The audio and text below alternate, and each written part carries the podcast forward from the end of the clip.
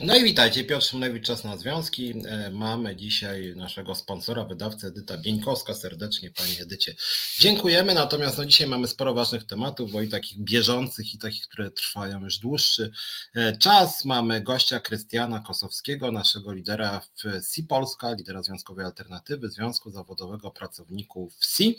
Więc witam Krystiana, który z nami tu jest. O, Dzień dobry. Cześć. No, e, e, Krystiano zapraszam już któryś raz z tego względu, że tam się dzieje właściwie coraz więcej i to są rzeczy moim zdaniem bardzo, bardzo niepokojące dla całego rynku pracy.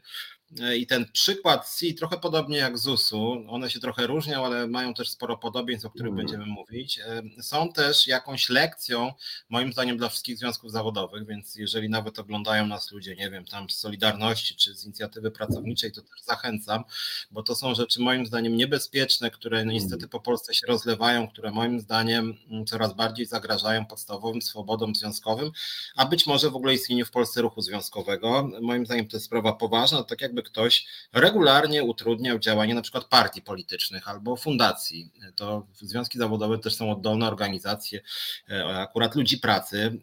E, to, są, to jest część społeczeństwa obywatelskiego i e, na przykładzie chociażby SI Polska właśnie to społeczeństwo obywatelskie moim zdaniem jest bardzo, bardzo osłabiane.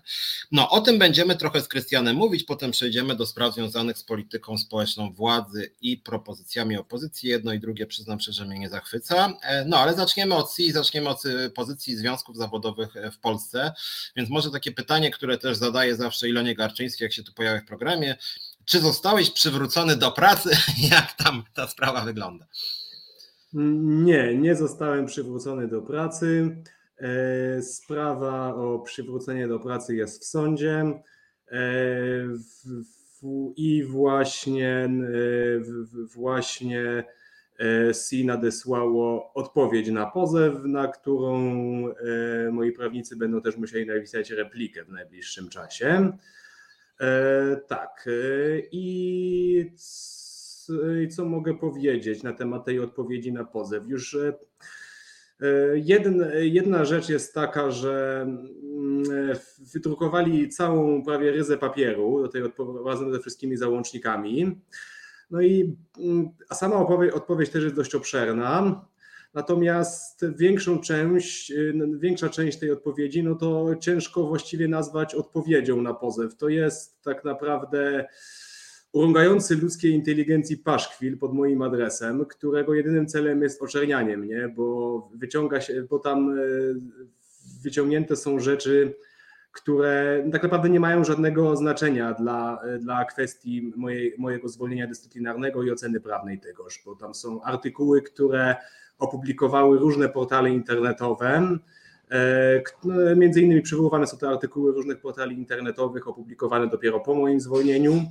E, są też wyciągane rzeczy sprzed mojego zatrudnienia, i to na długo przed mojego zatrudnienia w SI, czyli między innymi wywiad, którego udzieliłem Tobie na temat Cisco już chyba z 3 lata temu, jak nie więcej.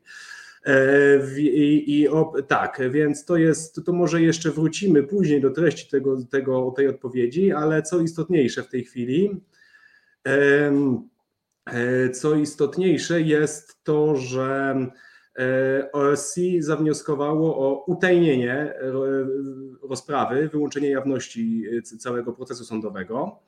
I to jest coś wyjątkowo niepokojącego, tak jak powiedziałeś na początku, e, bo całokształt działań C ma charakter e, represji antyzwiązkowych, po prostu polega na prześladowaniu związku zawodowego i w szczególności mnie jako lidera tego związku. Mm, I, i natomiast wyłączenie jawności rozprawy, no możemy się tylko domyślać, czemu, czy czemu chcą to zrobić, no ale jak wiadomo, no ktoś, kto jest niewinny, i postępuje właściwie, raczej nie ma nic do ukrycia i nie powinien się, się obawiać, obawiać tego, że inni będą, e, będą mieć na niego oko, tak? Więc e, to, to raczej, raczej no, winny się chowa, tak? Mówiąc, mówiąc już tak potocznie. E, oni, oni po prostu chcą wyłączyć wszelkie zainteresowanie mediów z tej sprawy i zainteresowanie osób publicznych. A jak wiadomo, to jest kwestia o, jedna z kwestii o fundamentalnym znaczeniu dla, e, dla naszego społeczeństwa, dla państwa, bo prawo do tworzenia związków zawodowych jest oczywiście podstawowym prawem obywatelskim zagwarantowanym w Konstytucji i jest też jednym z podstawowych praw człowieka wedle deklaracji międzynarodowych, więc to jest atak na prawa obywatelskie, na prawa człowieka i do tworzenia związków zawodowych, ale jest też jeszcze jeden aspekt ataku na wolności obywatelskie, które SI przeprowadza. Mianowicie w tej obszernej odpowiedzi na pozew są przywoływane, tak jak powiedziałem, różne wątki, ale między innymi jestem krytykowany za to i oni próbują jakby to obrócić przeciwko mnie, że niby naruszałem jakieś tam zasady współżycia społecznego, że, że działałem na szkodę, na szkodę firmy i, i, to, i jakie przykłady podają na to. Jeden z nich jest, jednym z nich jest fakt, że nagłośniłem między innymi w Twoim programie tutaj nagłośniłem reakcję szefowej łódzkiego HR-u, czy na natychmiastową, to była pierwsza reakcja strony firmy, to była właśnie telefon od szefowej łódzkiego HR-u, która no po prostu próbowała mnie przekupić podwyżką, żebym odpuścił sobie działalność związkową, więc jest to dość, dość wymowna reakcja. E, a drugą rzecz, którą, e, za którą, którą ja nagłośniłem i którą oni próbują, że tak powiem, zemścić się na mnie za to, to, są, to, jest, to jest właśnie całokształt działań mojego byłego przełożonego, e, które polegały po prostu na notorycznym okłamywaniu swoich podwładnych i to jeszcze na etapie na etapie rekrutacji do zespołu. E, I to, że firma próbuje zemścić się czy ukarać w jakiś sposób ludzi, którzy nagłaśniali te, te nadużycia, a, a, nie, a nie osób odpowiedzialnych za nadużycia, to już mówi bardzo wiele o całej, o, o tej, o, o strategii i o polityce szefostwa firmy. E, I jest to, aha, no i tak jak mówiłem, no to jest po prostu e, naruszenie wolności słowa i bo to, jest tak naprawdę podstawowe działanie obywatelskie. Jeżeli spotykamy się z nadużyciami, to je nagłaśniamy i ludzie nie powinni się czuć szykanowani za to, że e, informują o patologiach czy o nadużyciach ze strony osób na, na stanowiskach i to obojętnie, czy to dotyczy e, instytucji publicznych, firm prywatnych, czy różnych organizacji pozarządowych. Tak jak ostatnio była była właśnie y, nagłośniona afera w jednej z fundacji feministycznych przez inicjatywę pracowniczą. To jest jeden z przykładów na, na patologię w sektorze NGO-sów. Y, więc po prostu ludzie muszą konsekwentnie patrzeć na ręce zarówno swoim przełożonym, jak i ogólnie osób w, w pozycji władzy, mówiąc ogólnie, i wszelkie nadużycia nagłaśniać bo, bo mogę się no, posłużyć trochę banałem, no ale społeczeństwo obywatelskie mimo wszystko na czymś takim bazuje, na, na tym, że, że, że władze są, odpowiadają przed, obywa, przed swoimi obywatelami. I jeżeli jakiś podmiot, obojętnie publiczny, prywatny czy inny, próbuje ludzi szykanować za to, prześladować za nagłaśnianie patologii, e, no to jest coś mocno nie tak. Ja bym tylko dodał, jak chodzi o to utajnienie, bo część z Was nie zna tych procedur prawnych. Otóż, jak chodzi o utajnienie spraw sądowych, co do zasady, utajnienie ma miejsce wtedy, kiedy jest jakaś bardzo ważna okoliczność społeczna, kiedy na przykład, no nie wiem, mogą wyjść na jaw jakieś, nie wiem, tajne dokumenty e, o charakterze państwowym, czy nawet jakaś tajemnica przedsiębiorstwa. No tego typu rzeczy, które są, powiedzmy sobie, no jakoś społecznie, bym powiedział, podlegają szczególnej ochronie, tak? Natomiast w tym przypadku sprawy, o której my mówimy, chodzi o przywrócenie do pracy zwolnionego działacza związkowego. W związku z tym no, sprawa ma wręcz charakter, bym powiedział, misyjny, e, bo chodzi o, e, no, chodzi właściwie o istnienie związków zawodowych w Polsce, więc to, że SI chce ten proces e, utajnić, nie wpuszczać dziennikarzy na salę, no utajnienie generalnie oznacza, że nikt z zewnątrz jakby poza stronami nie będzie mógł wejść na salę obrad, nikt nie będzie mógł tego obserwować. Utajnienie wprowadza, znaczy wnioski o tego typu procedurę e, składa się wtedy, kiedy jakaś strona no właśnie nie chce, żeby było głośno. My generalnie nie mamy nic do ukrycia. Jeżeli C uważa, że coś tu jest bardzo nie w porządku po naszej stronie, to właściwie oni powinni być yy, po stronie jawności, żeby wszyscy zobaczyli, że my coś ściemniamy. Tak? Tymczasem my no, jak widzicie, Krystian jest w tym programie co kilka tygodni. Jesteśmy za tym, żeby obrady sądu były dostępne, żeby ludzie widzieli zeznania, żeby też widzieli, co nasza strona mówi w tej sprawie, więc my tu nic do e, ukrycia nie mamy, to jest ważne. E, natomiast druga sprawa, i to jest e, wątek, który wraca, ale chciałbym Was naprawdę uczulić na to i też jakoś w miarę możliwości prosić Was o wsparcie. No niezmiennie oczywiście Was zapraszam do Związkowej Alternatywy, ale też, żebyście takie sprawy nagłaśniali w miarę możliwości, czasem jem udostępniali udostępnili gdzieś na Facebooku, Twitterze, czy, czy coś nawet o tym napisali, czy gdzieś skomentowali. Rzecz, którą powtarzam i przepraszam, jeśli to robię do znudzenia, ale to jest bardzo poważna sprawa, mianowicie w Polsce e, de facto e, niknie niezależność związków zawodowych.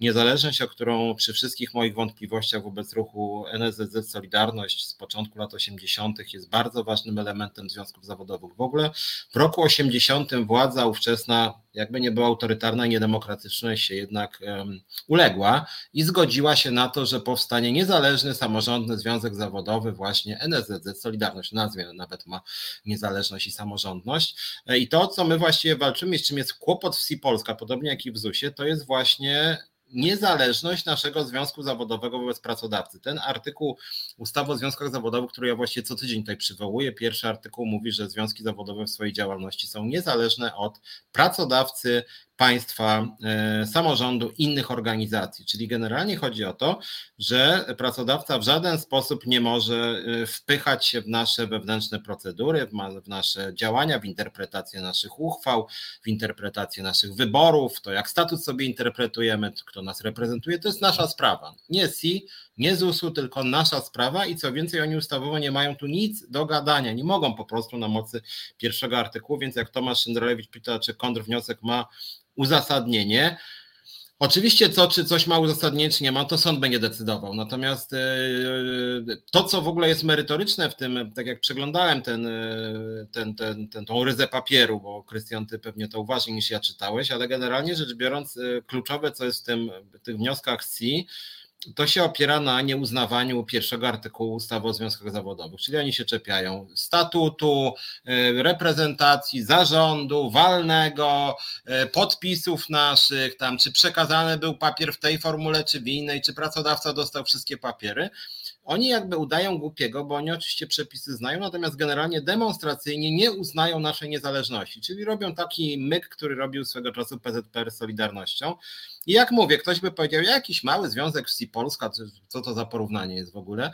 E, natomiast rzecz polega na tym, że to w Polsce jest coraz częściej spotykane. To jest też w ZUS-ie, mam wrażenie, że ZUS dał przykład, ale wcześniej rozmawiałem też e, z panem zwolnionym z banku i tam były podobne numery robione. E, I widzę, że to się zaczyna coraz bardziej rozlewać po kraju, czyli to jest taka nowa metoda nieuczciwych pracodawców. Tak? To znaczy, jeżeli powstaje bojowy związek, to nie przysyłają, nie wiem, policji, wojska, jak to było tam w PRL-u, czy nawet ochroniarzy z kijami, tylko mówią, no dobra, to teraz macie mi 184 dokumenty, przesłać świadczące, że wy dobrze powstaliście, że wy istniejecie, że wy macie prawidłowe zakorzenienie. I taki człowiek, który, no my jakby Krystian tak jest jakby w komfortowej sytuacji, no bo jesteśmy jednak centralą, mamy prawnika, ja mam dosyć dużą wiedzę prawną, więc my nawet rozmawiamy dosyć często, ale generalnie wyobraźmy sobie, że w jakiejś tam, nie wiem, w jakiejś miejscowości, w jakiejś firmie po prostu powstaje związek, który od, tak który oddolnie chce sobie działać, nie podlega, nie ma żadnych prawników, e, nie, nie należy do żadnej centrali, tylko mówi, no dobra, jesteśmy ludźmi, którzy od dołu chcą sobie założyć związek i następnego dnia są zasypywani. Lider jest zwolniony dyscyplinarnie, 15 wniosków o udostępnienie jakichś papierów na mocy artykułów, których w ogóle ci ludzie nie znają e, i to strasznie zniechęca do działalności związkowej, a dlatego uważam, że ta sprawa jest tak ważna, bo to jest próba de facto skasowania związków zawodowych w Polsce, bo jeżeli ktoś widzi później, co się dzieje w takim C Polska czy w ZUS-ie, no to ludzie już mogą sobie co ja się będę wygłupiać z tymi związkami, jak mogą mnie zwolnić, zasypać pismami prawnymi. Więc moim zdaniem to jest rzeczywiście e, potwornie szkodliwe społecznie to, co się tam mm, wyprawia. E, więc może też wprowadzając do tematu kolejnego, e, jak w ogóle wygląda teraz Twój dialog z pracodawcą i w ogóle jak wygląda dialog związku, którym kierujesz, który przypominam cały czas istnieje z pracodawcą? Mhm. E, znaczy, no, dialog y, odnośnie mojej sprawy, no to wszystko się dzieje przez przez prawników, przez sąd tak naprawdę, więc żadnych próby, no nie widać na horyzoncie żadnej możliwości dojścia do jakiegoś porozumienia, ugody póki co. E, tak jak mówiłem wcześniej, były jakieś kuriozalne próby jeszcze w grudniu podejmowane przez prezesa firmy, który najpierw do mnie wydzwaniał wieczorem, potem e, miał przyjechać do Łodzi, w końcu nie przyjechał, tylko się na dziwną rozmowę umówił, z której po prostu nic nie wynikło, bo e, no tak, bo to no mówię, no absurdalna dość rozmowa półgodzinna, w której tak naprawdę ponarzekał na związki i powiedział, że tak naprawdę to największym winnym jest Piotr Szumlewicz, bo bo to on wszystkim, wszystkich skrzywdził tutaj i mnie, i firmę, i biednego prezesa, i tak. Tak zły jest. Tak. E, więc e, no, no, no ogólnie no, no, ciężko było cokolwiek wynieść z tej rozmowy, natomiast potem nawet takich prób nie było. No i, i, no i co mogę powiedzieć? No teraz to będzie kolejna wymiana pism sądowych, jeśli chodzi o moją sprawę, natomiast jeśli chodzi o związek, no to y, to właśnie y, koledzy, póki co to jeszcze jest przez parę dni przez kolegów ogarniana skrzynka związkowa. Później, jak ja już wrócę do zdrowia, to już będę mógł normalnie pod swoim nazwiskiem jako lider związku pisać, reprezentować związek. Natomiast E, dotychczas była anonimowa skrzynka przeprowadzona przez kolegów oraz e, Piotr jako przewodniczący centrali również reprezentował nasz związek. I korespondencja z firmą polegała na tym, że tak jak Piotr mówił, no to prawnik firmy przysyłał co chwila różne bezsensowne żądania typu pokazanie tego, pokazanie tamtego dokumentu żądał jakichś wewnętrznych e, dokumentów, na przykład poświadczających, że ja i kolega jesteśmy członkami zarządu, E, swoją drogą jest to dość, dość zabawne, bo znaczy nie tyle zabawne, co po prostu ja mam podejrzenie, po co on to tak naprawdę zrobił, e, bo, e, bo ja muszę powiedzieć, że ten dokument, czyli, czyli protokół z posiedzenia otwierającego związek, jest załączony do akt sprawy, więc on już to widział, tyle że został, został załączony w formie zanonimizowanej, więc możliwe, że on myślał, że, że my się nabierzemy na jego na jego pismo i, i wyślemy mu zaraz e, cały protokół z nazwiskami wszystkich ludzi. No, no, nie wiem, czy on czy naprawdę, czy naprawdę liczył, że to się na to nabierze i ujawni mu nazwiska całego związku, no ale możliwe, że właśnie po to to zrobił. E, natomiast no, no, przysyła po prostu kolejne, e, e kolejne pisma, w których e, st, straszy, e, no nie, nie tyle straszy nas, co E, próbuje właśnie, żąda jakiejś wewnętrznej dokumentacji, kwestionuje mój status jako przewodniczącego związku, kwestionuje niezależność związku, tak jak pisałeś, są to te same, te same pisma co chwila. On wie, że my nie, nie możemy mu wysłać e, wewnętrznej dokumentacji, tam są dane poufne, a i tak będzie nam to przysyłał, no więc tak to wygląda. Ja jeszcze sobie wydrukowałem tutaj przed naszym programem ostatnie pismo od pana Myszczyńskiego, czyli e, prawnika, który właśnie reprezentuje spółkę w rozmowie z nami. E, I słuchajcie, znaczy ja już nie chcę się tutaj wyżywać, że tak powiem, bo już to robiłem tam te dwa czy trzy programy temu. Natomiast to jest pismo z 27 lutego, no czyli teraz, że tak powiem. E, I tutaj cały czas, to nie będę wam czytał, bo aż męczące, no ale generalnie rzecz biorąc, pan przez kilka akapitów, na 2,5 strony, 2,5 strony mu to zajęło, tłumaczy nam, że my nie mamy prawa do własnej interpretacji naszego statutu, że on wie lepiej, jak interpretować nasz statut. E, I tutaj zasady reprezentacji e, nie mogą zostać potwierdzone przez spółkę w ramach weryfikacji z odpisów. E, że, że Związek Zawodowy Pracowników wsi nie jest w Krajowym Rejestrze Sądowym. No nie jest, bo my jesteśmy, a to jest nasz związek, który jest właśnie w naszym rejestrze. Tak działa Związkowa Alternatywa, tak działa NSZZ Solidarność, tak działa kilka central związkowych w Polsce. E, I ciągle się to samo powtarza i, i powtarza się rzecz, która jest naprawdę no, jakaś e, grubo absurdalna, kiedy pan Myszczyński po raz trzeci już nam chyba mówi, że nie powinno być wątpliwości, że Kosowski nie jest naszym członkiem. No i cytuję, Krystian Kosowski nie może być członkiem Związku Zawodowego Pracowników SI, nie może pełnić funkcji przewodniczącego Związku Pracowników SI, mówi pan Myszczyński, który w ogóle ze związkiem nie ma nic wspólnego. W związku z tym, no to jest jakby taka totalna bezczelność i moim zdaniem takie, w ogóle takie działania i takie pisma, no, które skutkują tym, że, że, że, że pracodawca odmawia z nami dialogu, to powinno być jakaś konsekwencje karne, bo jak mówię, no jest konkretny artykuł, że to my decydujemy o tym, kto do nas należy, a nie jakiś Myszczyński czy jakiś inny. Nie ma do tego prawa ani pan Morawiecki, ani pan Kaczyński, ani Myszczyński, ani Budka, ani Czarzasty. Nikt nie ma w Polsce takich praw, bo związki zawodowe są organizacjami samorządnymi, niezależnymi. No to tak jak ja bym wybierał sobie e, w Si Polska, powiedział, wiecie co, e, niestety nie zgadzam się na to, żeby pan Nito był szefem, od dzisiaj ja będę szefem, bo tak sobie to ustaliłem. E, I to, i to niestety trochę tak było E, tak było, trochę ja się śmieję, ale trochę tak było z Solidarnością w roku 80, że przychodził PZPR i mówił, nie moi drodzy, wasi liderzy nam się nie podobają, musicie sobie wymienić tych liderów na jakichś grzeczniejszych, trochę co się dogadają z CRZZ-em, z nami się dogadają.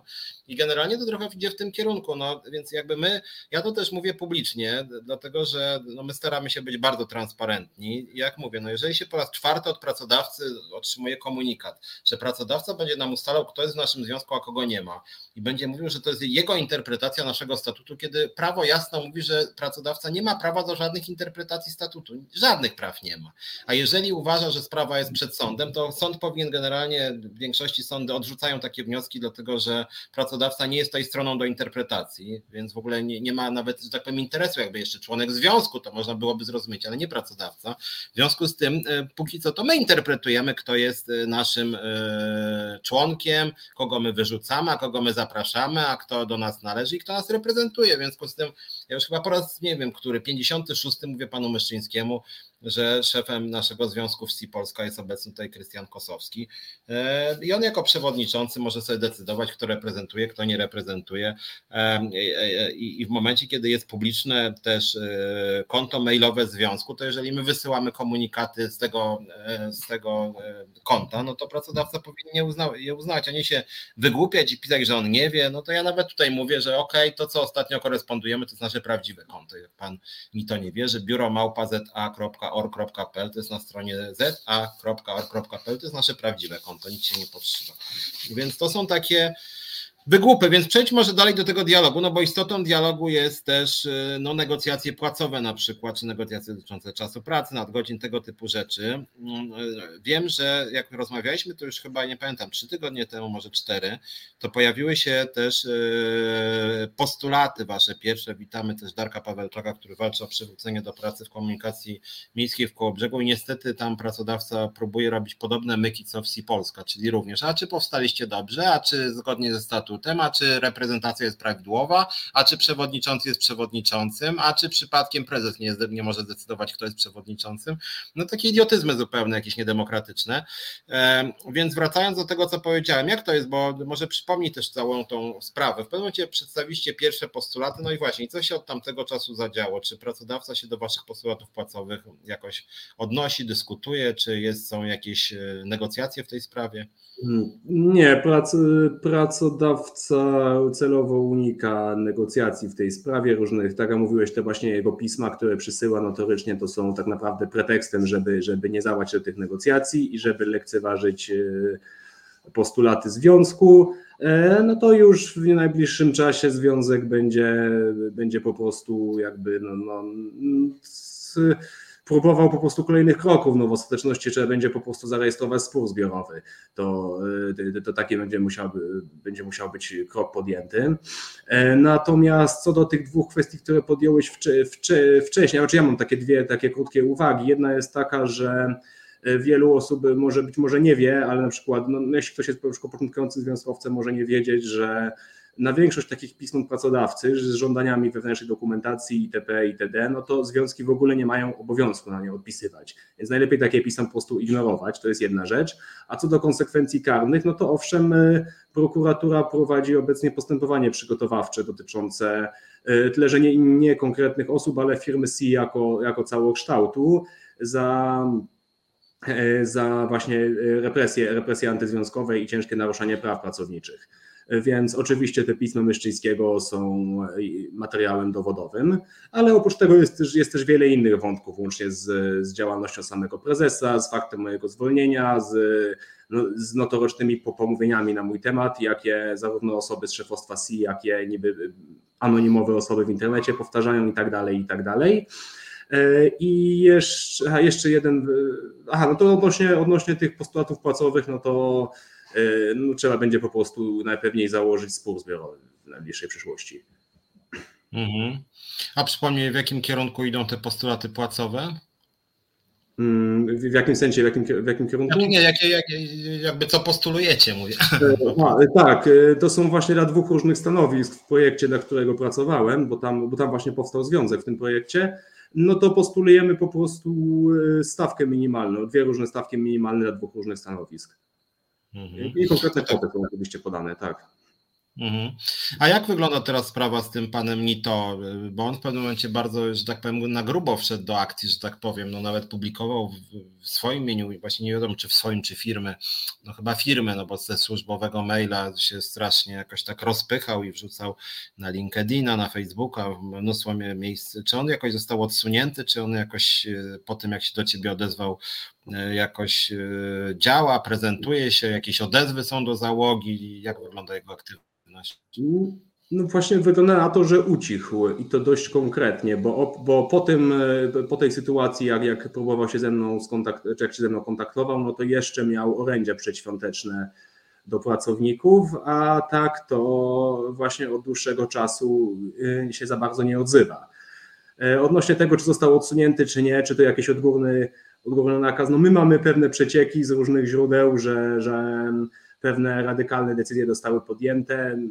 Osoby mi różne sugerują wręcz, żeby codziennie sprawdzać KRS, żeby upewnić się, czy on dalej jest prezesem. No, my oczywiście nie mamy możliwości weryfikacji tych różnych, różnych, e, różnych pogłosek czy przecieków, więc no, no po prostu nie podajemy ich dalej w, w takiej formie, jak, jak je otrzymujemy, no bo, no bo też nie musimy dbać o rzetelność informacji, jakie sami przekazujemy. E, no, natomiast no, jest to no, ogólnie no, no, trzeba powiedzieć, że ta wcześniej, zarówno ta, ta korespondencja, jaką on do mnie wysłał i, i, na mój temat, jak i wcześniejsze maile tego prezesa, no one ogólnie nie miały dobrej opinii, więc e, tam były więcej wątków, jak na przykład nękanie pracownic, które upominały się o seksistowskie zachowania albo agitacje polityczne na rzecz nowośmiesznej albo na, no, no, porównywanie PiSu do nazistów na przykład, więc no, tego rodzaju polityczne treści, no to na forum firmy, no to jednak no nie jest to nie jest to najle, najlepsza praktyka. No i, i to, że prezes przestał już takich treści wysyłać, z tego co wiem, no to jest to pośrednio sukces związku. A, czyli tam, bo zacząłeś, że tam były jakieś doniesienia o jakimś molestowaniu?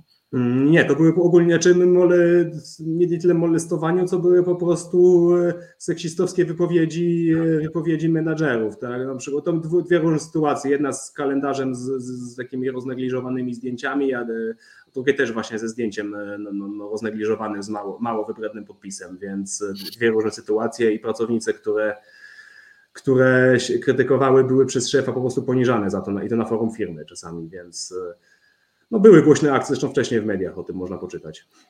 A jeszcze, jeszcze tak podsumowując, Cię spytam, jaki są teraz taki klimat wśród y, pracowników C?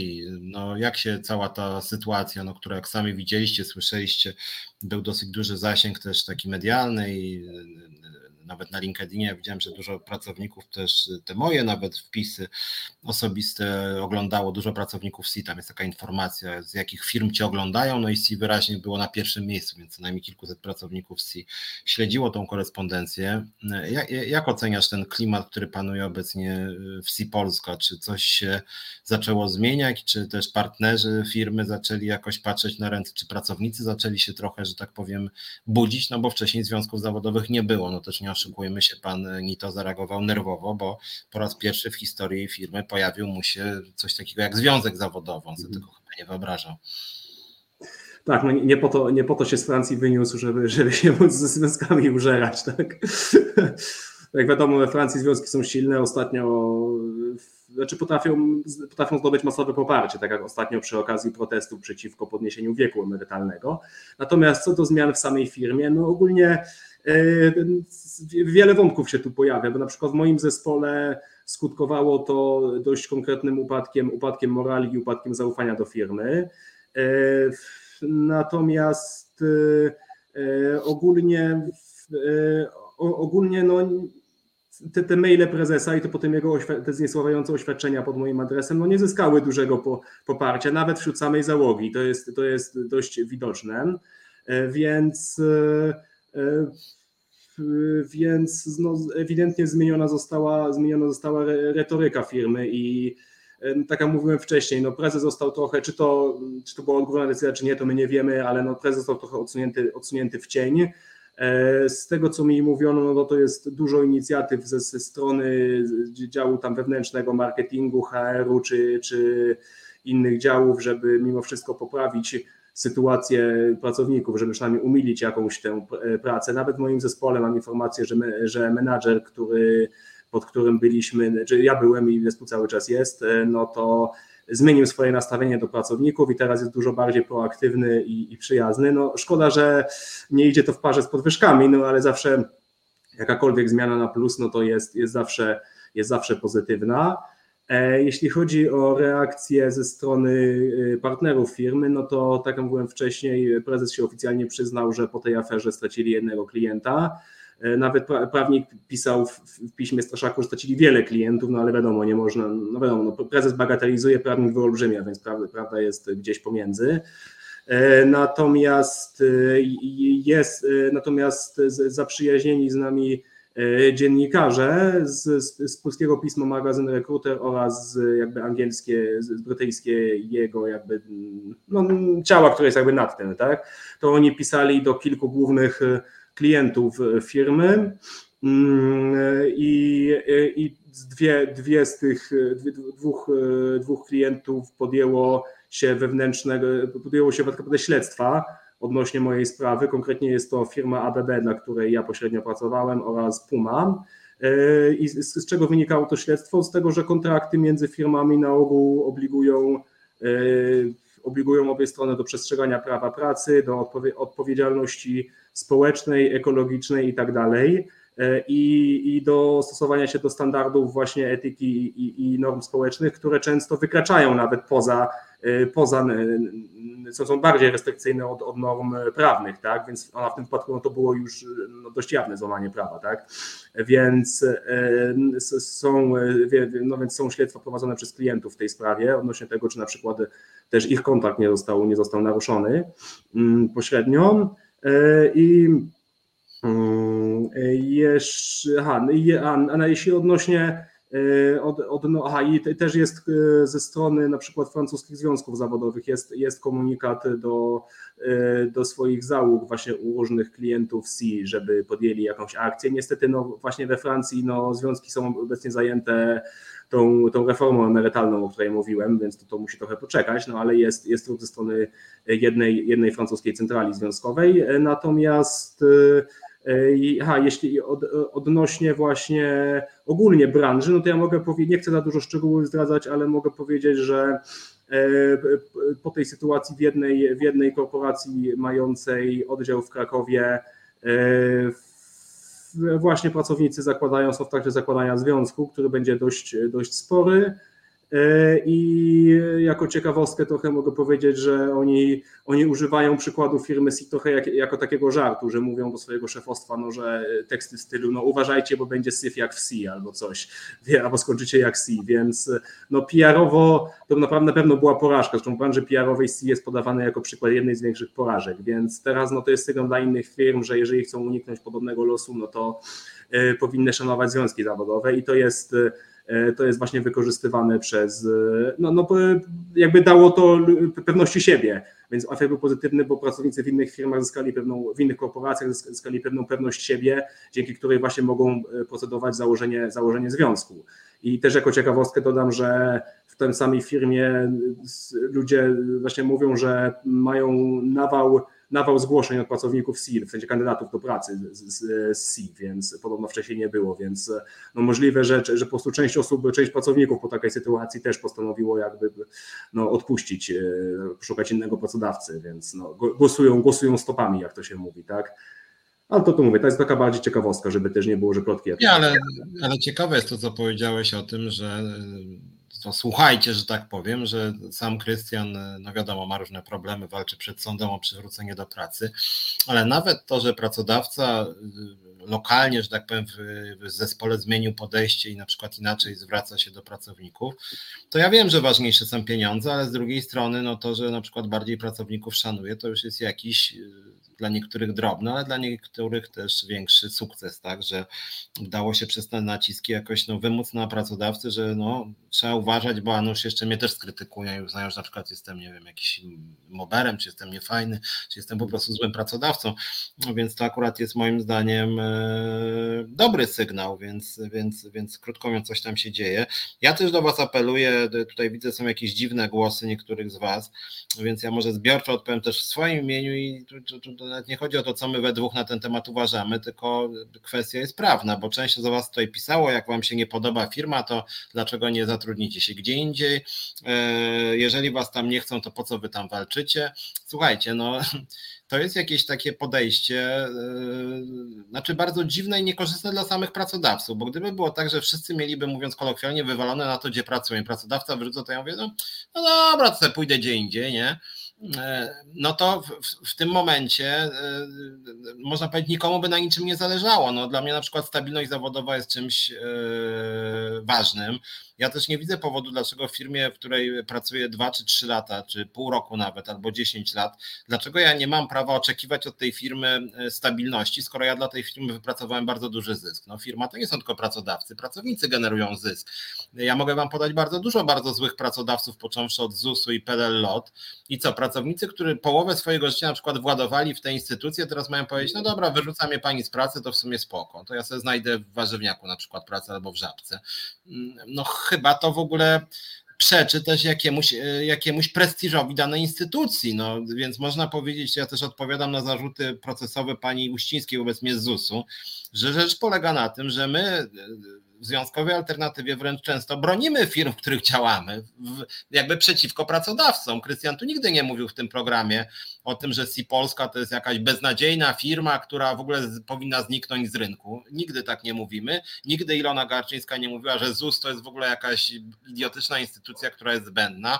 E, Agata Jagodzińska nigdy nie krytykowała roli skarbówki w Polsce, więc my jesteśmy tutaj wręcz patriotami tych wszystkich firm, więc moim zdaniem Krystian i ja też powinniśmy wręcz dostać od pana to nie wiem, jakieś ordery czy premie za to, że my akurat bronimy tej firmy e, przed nim. Znaczy, bo on, bo on psuje wizerunek tej firmie. My nigdy nie krytykowaliśmy, że si Polska to powinna zniknąć z rynku. Nic w ogóle takiego w żadnym piśmie, ja się wypowiadam ostro, nigdy takich rzeczy nie mówiłem. E, I te osoby, które mówią, że może po prostu zmienić pracę, no to słuchajcie, gdyby w ten sposób e, pracownicy podchodzili, to by bardzo łatwo można było zniszczyć strategiczne sektory gospodarki. Lekarze wkurzeni powiedzieli, dobra, no to tam, co będziemy się szpitalem, to do widzenia, nie? E, I niech ludzie sobie umierają tam na przykład, tak? Albo ze szkoły odchodzimy, niech sobie ci uczniowie, nie wiem, sobie zrobią lekcje ze swoimi rodzicami, nie? No, no to jest też bardzo, powiedział, podejście nieodpowiedzialne i też dziwię się, że tak sobie lekko mówicie. Jeszcze wspomnę, tylko jest tutaj Darek Paweł Pawelcza, który jutro będzie miał proces być może e, ostatni z tego cyklu, więc pierwszy nasz zwolniony dyscyplinarnie lider e, być może już jutro będzie jakaś decyzja na przykład o powrocie do pracy. I Darek również jest, że tak powiem, patriotą e, komunikacji miejskiej w Kołobrzegu i ma prawo się domagać powrotu do pracy. Dobra, wiesz co, to, to ja ci no to jeszcze jeden wątek poruszę. Dlaczego, dlaczego takie myślenie, że wystarczy zmienić firmę? Już abstrahując od tego, czy to jest możliwe i czy jest możliwe znalezienie innej pracy na podobnym stanowisku, abstrahując od tych pytań, no to jest to szkodliwe myślenie i bardzo głupie, ponieważ e, każda firma, w której są patologie, w której są gorsze warunki pracy, to jest sygnał do innych pracodawców. Aha, na tym stanowisku, w tym mieście pracownicy mają mniejsze wymogi, a to my też. Po co mamy, po co mamy tam im dbać o nich, skoro tam się nie szanują w firmie X, no to my w firmie Y też. No może trochę lepiej zapłacimy, ale bez przesady.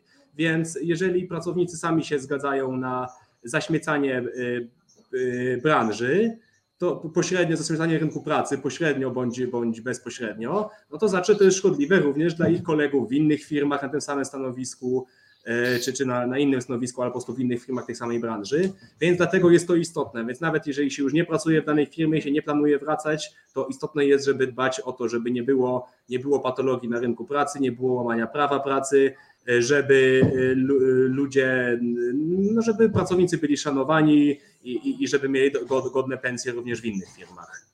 Tak, i tutaj też, że tak powiem, docencie też to działanie i moje, i Krystiana, nawet zakładowe, czy Darka Pawelczaka, czy Ilony Garczyńskiej, że my troszczymy się też o to, żebyście wy mieli lepsze warunki pracy, tak? Dlatego, że my staramy się dawać dobry przykład. Nie traktujcie tak źle pracowników, tak? Nie, pozwol, nie, nie traktujcie pracowników jak jakieś bydło. E, jeżeli macie duże zyski, to, to, to, to się dzielcie tym zyskiem. Przestrzegajcie prawa, e, nie wymagajcie darmowych nadgodzin. E, regularnie podwyższajcie pensje. No to, po to są związki zawodowe i dzięki związkom zawodowym takim jak nasz, wielu z Was ma wyższe pensje po prostu, bo w momencie, kiedy pracodawcy zaczynają się bać z różnych branż, to zaczynają lepiej płacić, więc osoby, które mówią, zmieńcie sobie pracę, moim zdaniem działacie na własną szkodę, tak? Bo, bo to jest taka, taka zachęta do, tak jak tu Krystian powiedział, taka zachęta do traktowania e, pracowników jak niewolników de facto, tak? No w każdej chwili, no dobra, to masz tutaj płacę minimalną, nie podoba się, spadaj, nie? A ja, no dobra, to spadam. Więc moim zdaniem to jest jakieś bardzo szkodliwe myślenie. E, dobra, wiesz co, to bardzo Ci dziękuję w takim razie. Ja też czekam sam na te kolejne pisma od, od SIBO. Rzeczywiście to jest w ogóle też jakiś taki paradoks, że pan Myszczyński i pan Nito piszą do mnie, znaczy jako lidera na centrali, że z jednej strony mówią, że to jest związek e, zakładowy, który ma swoją podmiotowość prawną, z drugiej strony wszystko też ja dostaję, e, gdzie pan, pan Myszczyński, wcześniej pan Nito twierdzą, że my de facto nie mamy prawa działać w Polska, bo panu mi to się to nie podoba. Co w ogóle jest jakieś kuriozalne. W związku z tym, no, y, pamiętajcie o tym, że nawet jak nie lubicie związków zawodowych, to stawką tu jest praworządność po prostu. Związki zawodowe mają zakorzenie konstytucyjne, mają prawo do działania, mają prawo do wchodzenia w spory zbiorowe, mają prawo do strajków, do negocjacji, do mediacji y, i utrudnienie działalności związkowej, to y, mówił o tym chwilę Krystian, podlega odpowiedzialności karnej. To jest y, wykroczenie e, i można rzeczywiście za to mieć karę ograniczenia wolności czy grzywny. Dobra, to bardzo Ci dziękuję w takim razie. Ja również dziękuję. No, dziękuję się. Trzymaj się. No, trzymaj się. No, a ja jeszcze chwilę tylko Wam powiem, bo, bo chciałem dzisiaj, zapowiadałem też, że będę mówić o propozycjach rządu i opozycji w polityce społecznej. Hmm, powiem Wam, bo tu było parę pytań odnośnie PPK, więc może też odnośnie PPK. E, też sobie dwa zdania powiemy, co to jest to PPK i czy warto nie, że tak powiem, wchodzić. E, przed przerwą może jeszcze powiem Wam, co się dzieje w drugiej mojej ulubionej instytucji, czyli ZUS-ie. Był ostatnio bardzo ciekawy wyrok e, dotyczący Słuchajcie, e, wejdźcie sobie na stronę Związkowej Alternatywy, tam wrzuciłem taki tekst dłuższy na ten temat, mianowicie słuchajcie, okazało się, że z jednego z oddziałów w Warszawie znikło milion złotych. Pracownik ukradł milion złotych, ten pracownik najwyraźniej miał jakieś plecy, ponieważ próbowano zrzucić odpowiedzialność na pracownika, który nie ukradł tego miliona złotych i ostatnio był właśnie wyrok uniewinniający dotyczący tego pracownika, który był oskarżony, że, że przez niego de facto była możliwa kradzież tego miliona złotych, a osoba, która ukradła ten milion złotych, w ogóle przyznała się do winy. Więc była to jakaś dziwna psychologia, e, w której szychy z góry, które odpowiadały de facto za cały ten proceder, starały się przerzucić całą odpowiedzialność na e, pracownika e, na dole. Że niby to, że ktoś ukradł milion złotych, to za to, że komu odpowiadał szary urzędnik, że tak powiem, pracujący przy biurku, jest decyzja sądu, że za to nie odpowiadał. Natomiast moim zdaniem tutaj ktoś i z góry ZUS-u powinien ponieść za to konsekwencje. To jest trochę podobna sprawa, jaka była z tym e, kierowcą Seicento, tak, którym się procesował z panią e, Szydło. E, tak na marginesie, jak już o tym mówimy, to nie jest problematyka stricte związkowa, ale wydaje mi się, że to jest ważne również dla związków zawodowych, dla was wszystkich, bo nie wiem, co sądzicie o tej sprawie mm, z Szydło i z tym kierowcą. Bo ja wam powiem tak, jest takie przekonanie rozpowszechnione, że mm, również teraz to się pojawiło, że E, że tak naprawdę jest pewien układ, tak? że, że, że, że sędziowie na przykład sprzyjają silniejszym, tak? że procesy są kupowane niekiedy. Znaczy powiem tak, być może tak, tym bardziej, że jest coraz więcej tych sędziów tak zwanych neo-KRS-owskich, więc jakoś bliższych Prawu i Sprawiedliwości. Natomiast w przypadku tego kierowcy Seicento to nie chodzi chyba o sędziego nawet, bo tamten wyrok jest taki niejednoznaczny, tak, że winny, niewinny, ale też być może jeden, jeden samochód właśnie, jeden kierowca samochodu, pani Szydło był też być może winny. Tu nie o to chodzi, tu jest inny problem, na który ja staram się w moich związkowych programach e, zwracać uwagę. Mianowicie, słuchajcie, problem z takimi sprawami jest taki, jak z tym kierowcą Seicento, że generalnie rzecz biorąc, w momencie, kiedy władza występuje przeciwko obywatelowi, przeciwko Malinowskiemu, nie powiem Kowalskiemu, bo Kowalski to jest trochę inna para kaloszy, e, przeciwko Malinowskiemu, e, to tak jak Ben Kruczek, zdarzenie z władzą jest bolesne. Zdarzenie z władzą jest bolesne nie dlatego, że sądy są stronnicze. Ja tu do sądów nic nie mam akurat. Zderzenie z władzą jest bolesne dlatego, że władza jest w stanie swoimi kanałami zdobyć mnóstwo dowodów przeciwko tobie. To znaczy władza wysyła sądowi setki dokumentów, zasypuje po prostu jak z karabinu maszynowego. E, niekiedy mogą być te dowody spreparowane, niekiedy mogą być na podstawie sfałszowanych zeznań, to znaczy, że zmusza się ludzi do kłamstwa. E, niekiedy jest po prostu zmowa i jak chodzi o tą sprawę z tym Sejczęto, no to co, to, to było późno, wokół było bardzo mało ludzi e, i generalnie w momencie, kiedy świadkami są głównie ludzie zależni służbowo od pani Szydło i uspójniają narrację, to wtedy sąd nie ma innych dowodów i sąd po prostu ma materiał, zgodnie z którym jest, nie wiem, 40 zeznań przeciwko dwóm osobom i cóż, i wtedy sąd orzeka na podstawie tego, co ma. I w momencie, kiedy na przykład w miejscu niedaleko tego wypadku, którego doszło, tak, tej, jak się tam e, ta, ta, ta, ta, cała, ten cały korowód, że tak powiem, pani Szydło zderzył z tym, z tym biednym człowiekiem, to nawet jeżeli ktoś widział, jak było, i widział e, coś, co obciąża e, panią Szydło i jej kierowców, e, to taki człowiek na przykład, jeżeli jest, nie wiem, dajmy na to, nie wiem, przedsiębiorcą, rolnikiem, pracownikiem, kimkolwiek i sobie myśli tak, to ja będę składał zeznania, później na przykład oni mi naślą kontrolę skarbową, która będzie trwała dwa tygodnie i mnie nie puszczą i będą mnie międlić, międlić, międlić, żebym zmienił zeznanie. I tak człowiek sobie myśli, no co ja będę się tutaj wychylał. Nie ma potrzeby, nie ma sensu. Widzę, jak działa ta władza, widzę, jak działa pan Ziobro, który jest bezwzględny dla swoich przeciwników. W związku z tym, no niestety często tak, te, te, tak się kończą tego typu sprawy nie z powodu stronniczości sądów, tylko z powodu właśnie tego, że władza zastrasza. I dla mnie skandalem w tej sprawie w gruncie rzeczy jest to, przede wszystkim e, nie wyrok sądu, tylko skandalem jest to, że władza uruchomiła całą potężną machinę przeciwko człowiekowi. I, I, rzeczywiście wykorzystano wszelkie mo możliwości działania, uruchomiono służby specjalne e, i to jest po prostu straszne i za coś takiego również władza powinna tracić poparcie. W Polsce niestety to uchodzi, a, a moim zdaniem to jest naganne. To znaczy władza daje, e, władza daje sygnał, że m, mm, jeżeli wystąpisz przeciwko tej władzy, to władza utnie ci rękę i w konsekwencji władza może wygrać procesy, ponieważ świadkowie mm, że tak powiem, no, wycofują się. E, więc, więc to jest moim zdaniem sprawa w tym sensie bulwersująca, tym bardziej cieszę, że w sprawie tego ZUS-u, jak mówię, jak, jak przyjrzę się tej sprawie, być może za tydzień czy dwa więcej Wam na ten temat powiem, ale w każdym razie próbowano zrzucić odpowiedzialność za przewał na milion złotych na szarego pracownika, na takiego tak zwanego zwykłego urzędnika na dole. Nie udało się, akurat w tej sprawie nie udało się, sąd e, nie uwierzył tym zwierzchnikom, że tak powiem, z góry i osoba na dole została e, uniewinniona, więc to jest dosyć ciekawe.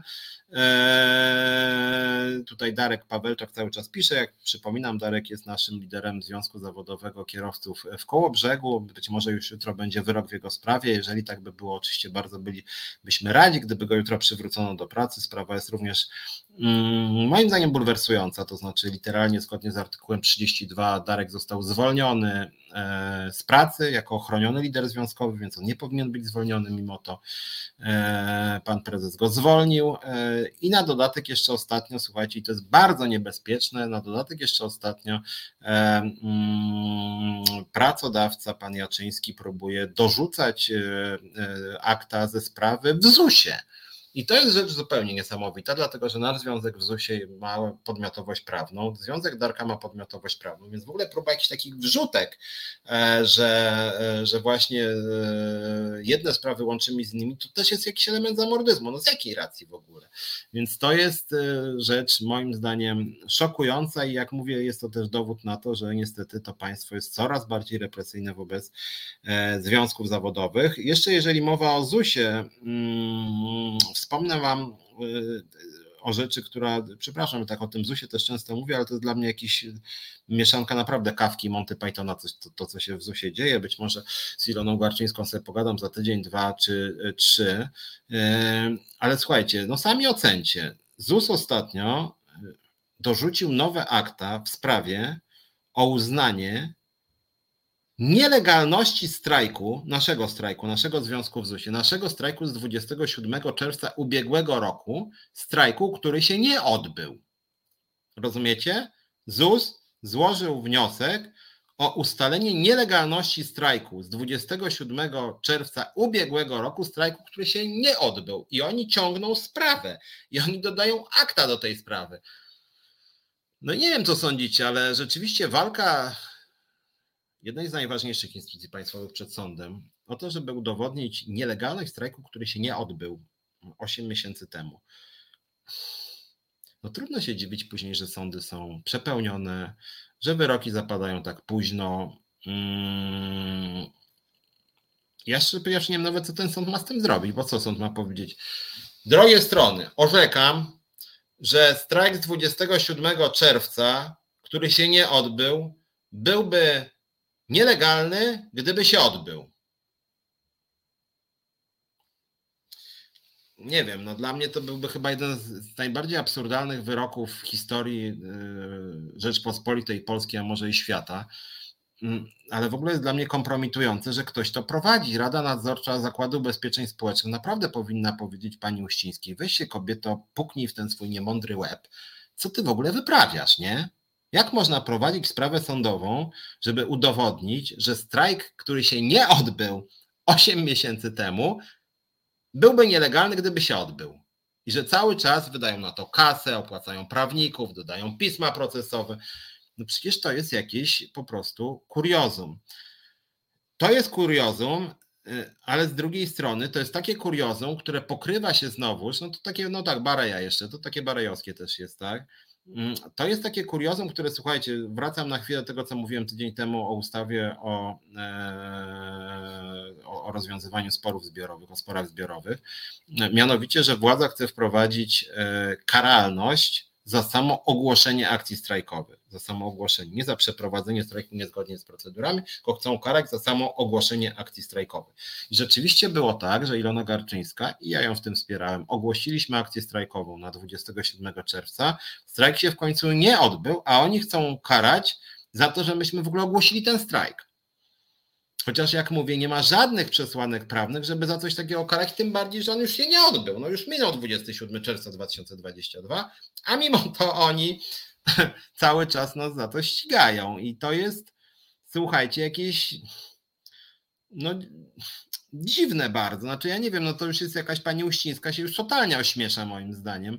I przyznam szczerze, że ktoś naprawdę tam, nawet jakiś pan Dworczyk, który no generalnie on jest ministrem bez teki, więc ma mnóstwo czasu, on przecież nic nie robi praktycznie, mógłby do niej zadzwonić po słuchaj Gertruda, no sorry, no rozumiem, że nie lubisz tego i związkowej alternatywy, ale może jednak procesować o strajk, który się nie odbył, o to, że jakby się odbył, to byłby nielegalny, to trochę wizerunkowo jednak nie jest za mądre, może byś jednak się z tego wycofała, a Uścińska nie, właśnie się nie wycofam, będę cały czas jechała, natomiast Mira Walkiewicz ma rację, chodzi o efekt mrożący, chodzi o to, że nawet jeżeli ktoś myślał w pewnym momencie o strajku, to za to myślenie o strajku 10 miesięcy temu władza chcecie dojeżdżać po prostu. No i to jest właśnie władza prawa i sprawiedliwości. Dobra, słuchajcie, zróbmy krótką przerwę, a później dotrzymam słowa, będziemy mówić o propozycjach rządu i opozycji w zakresie polityki społecznej, między innymi o mm, tych kredytach mieszkaniowych 0% Tuska, tudzież też, a jeszcze obiecywałem Wam o e, pracowniczych planach kapitałowych, o tym też sobie porozmawiam. Ja jestem przeciwko, od razu uprzedzam. E, dobra, słuchajcie, to e, robimy przerwę i za chwilkę wracamy i pogadamy sobie o polityce społecznej rządu i opozycji. Marcin Celiński i Radosław Gruca zapraszają na wyjątkowy i jedyny w polskich mediach program o procesie wyprowadzania Polski z Unii. To nie zaczęło się dziś i nie skończy jutro. To działania trwające od lat. Obnażymy twórców i apologetów polexitu. Pokażemy kalendarium tego projektu, skonfrontujemy propagandę z faktami. Bez wyjścia. Co czwartek od 19 w resecie obywatelskim. No i wracamy. E, Piotr Szymlewicz, Czas na Związki. Rozmawiałem z Krystianem Kosowskim o tym, co się dzieje w SI Polska. Jak widzicie, dzieje się dosyć nieciekawie tak naprawdę. To znaczy my bardzo bojowo walczymy o Krystiana, liczymy, że on zostanie przywrócony do pracy. No ale to już trwa, to powinno trwać znacznie krócej. Jednocześnie cieszymy się, że Darek Pawelczak tu obecny będzie miał prawdopodobnie wyrok już jutro, więc akurat ta sprawa idzie dosyć szybko. Natomiast to nie powinno jednak być tak, że pracodawca łamie literalnie przepisy prawa pracy, a później związki zawodowe, Ludzie po prostu zwolnieni z pracy mają czekać, aż sąd orzeknie, że oni jednak zostali zwolnieni niezgodnie z przepisami. Bo przypominam Wam, jest artykuł 32 ustawy o związkach zawodowych. Chroniony lider związkowy nie może być zwolniony bez zgody jego związku zawodowego. W skrócie, tak brzmi właśnie ten przepis. E, tak Krystian Kosowski, jak i e, Darek Pawelczak, jak i Ilona Garczyńska zostali zwolnieni wbrew temu zapisowi ustawowemu. Ta ustawa może Wam się nie podobać, możecie się z tym punktem nie zgadzać, ale póki co jest to obowiązujące prawo i to prawo literalnie zostało złamane przez tych trzech pracodawców tych trzech firmach, e, o których e, mówię. E, więc żeby podsumować naszą pierwszą godzinę, to Wam powiem tylko tak. Pamiętajcie o tym, przeczytajcie sobie, jak mi nie wierzycie, artykuł pierwszy ustawy o związkach zawodowych. Związki zawodowe są niezależne w swojej działalności od pracodawców, od państwa, od samorządu i od innych organizacji. I to jest bardzo ważny zapis. Na tej samej dokładnie zasadzie, co e, niezależne są fundacje, stowarzyszenia czy partie polityczne. To trochę tak, jakby ktoś złośliwie nie uznawał na przykład tego, jakie są władze no nie, Prawa i Sprawiedliwości, bo mówił, sorry Kaczyński, ale tutaj macie niewyraźne podpisy, może jest coś w KRS-ie, ale my nie jesteśmy pewni, czy to jest dobra reprezentacja, w związku z tym nie uznajemy waszych działań, bo tak naprawdę to naszym zdaniem tylko Brudziński na przykład jest uprawniony, a ty prezesie Kaczyński to chyba nie, bo tutaj ten podpis mi się nie podoba, w ogóle to mi się nie zgadza, jak żeście się zwołali, a w ogóle nie wiadomo, czy to było dobre zwołanie. I to jest moim zdaniem rozwalanie oddolnie społeczeństwa obywatelskiego. To jest strasznie niebezpieczne, to jest bardzo poważna sprawa. To nie jest po prostu jakiś, jakiś tam przepis e, ustawowy, tylko to jest kwestionowanie części społeczeństwa obywatelskiego po prostu. Tak jakbyście założyli, nie wiem, e, no nawet fundację na przykład, tak, e, której byście chcieli, nie pomagać dzieciom, dajmy na to, żeby już tak, czy pomagać zwierzętom, tak, czy prowadzić lekcje języka rosyjskiego albo, albo lekcje niemieckiego, albo krzewić kulturę mołdawską cokolwiek bądź, tak? I ktoś nagle by wam mówił, nie, sorry, nie możecie działać, bo my uważamy, że coś tam, żeście źle spotkanie założycielskie zrobili, bo E, co prawda reprezentuje was ktoś, kto się uważa za przewodniczącego, ale my uważamy, że podpis tego przewodniczącego jest jakiś lewawy i trzeba zrobić badanie grafologiczne tego podpisu. I tak można na miliard sposobów kwestionować istnienie fundacji, stowarzyszenia, partii, związku zawodowego. Tak można po prostu rozwalić całkowicie społeczeństwo obywatelskie i to robi pani Uścińska, to robi pani to, to robi pan Jaczyński w komunikacji miejskiej w Kołobrzegu i to jest moim zdaniem po prostu działanie na szkodę państwa i społeczeństwa. Znaczy to są w ogóle nie wiem, powinien być jakiś punkt kodeksu karnego za coś takiego bezpośrednio stosowany, bo to jest niszczenie inicjatyw y, y, obywatelskich, to jest niszczenie oddolnego społeczeństwa obywatelskiego. To jest moim zdaniem rzecz bardzo szkodliwa i bardzo, bardzo poważna. Druga rzecz, e, zaraz przejdę do tego, co zapowiadałem, tylko chciałem Wam, e, żeby była pewna ciągłość moich programów. Mm, tydzień temu przez chyba ponad godzinę mówiłem na temat ustawy o rozwiązywaniu sporów zbiorowych, pewnie część z Was pamięta. E, chodzi o zmiany co najmniej dwóch przepisów ustawy o rozwiązywaniu sporów zbiorowych. Zgodnie z pierwszym, tak zwane niereprezentatywne małe związki zawodowe nie mogą samodzielnie wchodzić w spory zbiorowe, nie mogą strajkować, nie mogą robić referendum strajkowych. PiS padł na pomysł, żeby po prostu te małe związki e, skasować, de facto dyskryminować je, odebrać im prawo do samodzielnego działania. E, e, chodzi o to, żeby te małe związki zawodowe nie mogły stać się alternatywą dla tych dużych. Tak, tak jak my w ZUS-ie zaczęliśmy działać, to zgodnie z tą ustawą nasz związek w ZUS-ie w ogóle nie miałby prawa do wchodzenia w spór zbiorowy, nie miałby prawa organizacji referendum strajkowego, nie miałby prawa ogłaszać akcji strajkowych, więc chodzi generalnie o to, żeby de facto zdelegalizować niezależne e, związki zawodowe, dlatego że w punkcie wyjścia każdy związek zawodowy jest mały, zaczyna zazwyczaj od 10 osób, więc mm, chodzi o to, żeby nie mógł rozwinąć skrzydeł po prostu, no bo związek przyciąga ludzi też pewnymi postulatami, tak w momencie, kiedy nie można wchodzić w spory zbiorowe, no to de facto nie można przedstawiać e, e, postulatów. I to jest pierwszy punkt ustawy, o której tydzień temu mówiłem, drugi punkt ustawy mówi o tym, że samo ogłoszenie akcji strajkowej, to jest nowum, bo nie ma tego w przepisach, samo ogłoszenie, a nie przeprowadzenie nawet e, niezgodnie z procedurami jest karalne karą ograniczenia wolności lub grzywny. Samo ogłoszenie strajku, czyli to, co mówiłem Wam odnośnie ZUS-u, że nas ścigają o strajk, który się nie odbył, to władza chce sobie dać podstawę prawną. E, jeżeli lider związkowy, taki jak ja na przykład nawet na Facebooku napisze, słuchajcie, proponuję na 19 marca w moje urodziny akcję strajkową w całej budżetówce, to generalnie władza miałaby paragraf i następnego dnia na przykład o 6 rano mogłaby do mnie wejść prokuratura czy jakieś służby. Panie Piotrze, pan jest zagrożeniem dla kraju. Tu jest paragraf. Samo ogłoszenie akcji strajkowej grozi karą ograniczenia wolności lub grzywny, więc sorry panie Piotrze, ale pana aresztujemy. Przesłuchanie będzie sprawa sądowa czy sprawa karna prokuratury Mm, niestety pan złamał polskie prawo literalnie i rzeczywiście władza coś takiego właśnie proponuje. Mm, tam jeszcze był przepis, o którym stosunkowo mało pisze i mówi, a który jest w zasadzie śmieszny, mianowicie, że związki zawodowe, e, zakładowe nie mogą wchodzić w spory zbiorowe odnośnie e, układów zbiorowych, które funkcjonują i które podpisały inne związki zawodowe.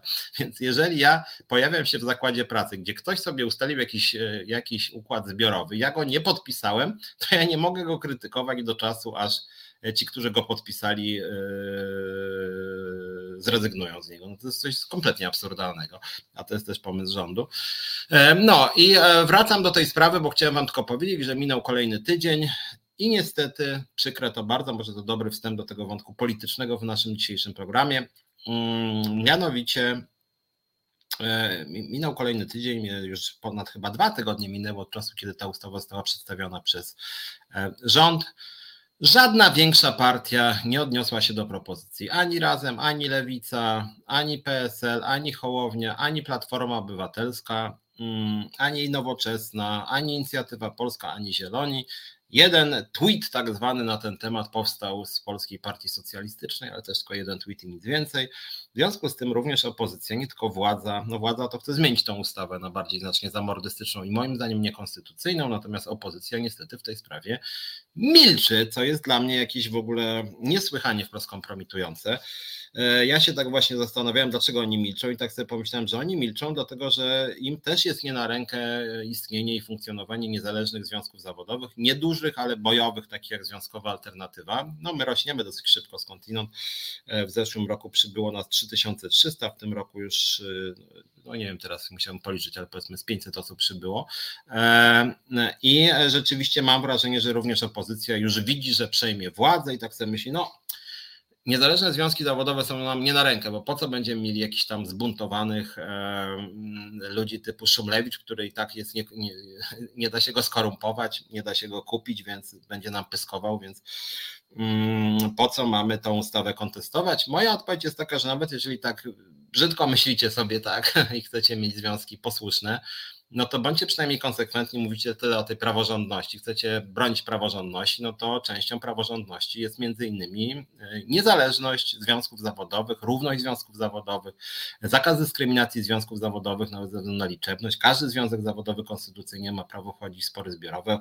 E, propozycja Prawa i Sprawiedliwości pod tym względem jest po prostu niekonstytucyjna. W związku z tym, tak jak Anna Kurczuk pisze, ten projekt jest niekonstytucyjny, sprzeczny z wolnością słowa i rzeczywiście dziwi bierność opozycji e, w tej sprawie. Waldemar pisze Wysokiński o strajkach e, w pomocy społecznej w Legnicy. Mm. Jesteśmy w kilku DPS-ach, robiliśmy strajk ostrzegawczy w Piotrkowie Trybunalskim. E, akurat w Legnicy nas póki co nie ma. Jeżeli nas oglądają jacyś Pracownicy DPS-ów w Legnicy to oczywiście zapraszamy w nasze szeregi, chętnie się zaangażujemy. No natomiast wychodzimy z założenia, od razu Wam to mówię, dlatego po raz kolejny Was zapraszam do Związkowej Alternatywy. E, nie możemy działać na rzeczy ludzi, którzy do nas nie należą, no bo też e, opieramy się wyłącznie na składkach członkowskich. E, jak już gdzieś działamy, to działamy na całego, dajemy opiekę prawną, działamy, dajemy też zaangażowanie powiedzmy wizerunkowe, dostęp do mediów, bezpośrednie wsparcie, nawet takie osobiste, ja chętnie przyjadę tam.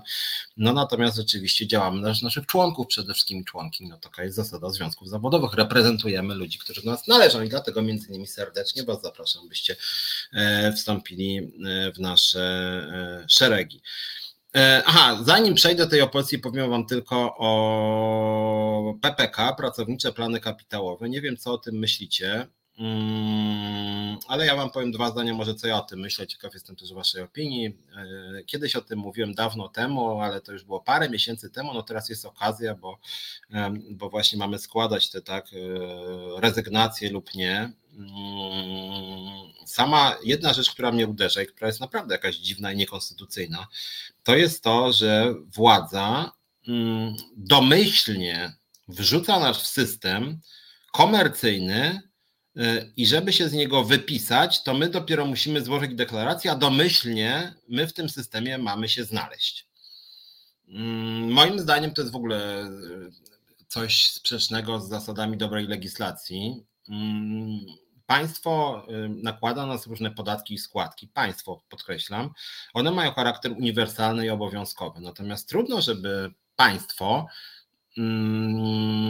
zmuszało nas, czy traktowało jako domyślne to, że my będziemy opodatkowani czy oskładkowani przez jakieś komercyjne podmioty.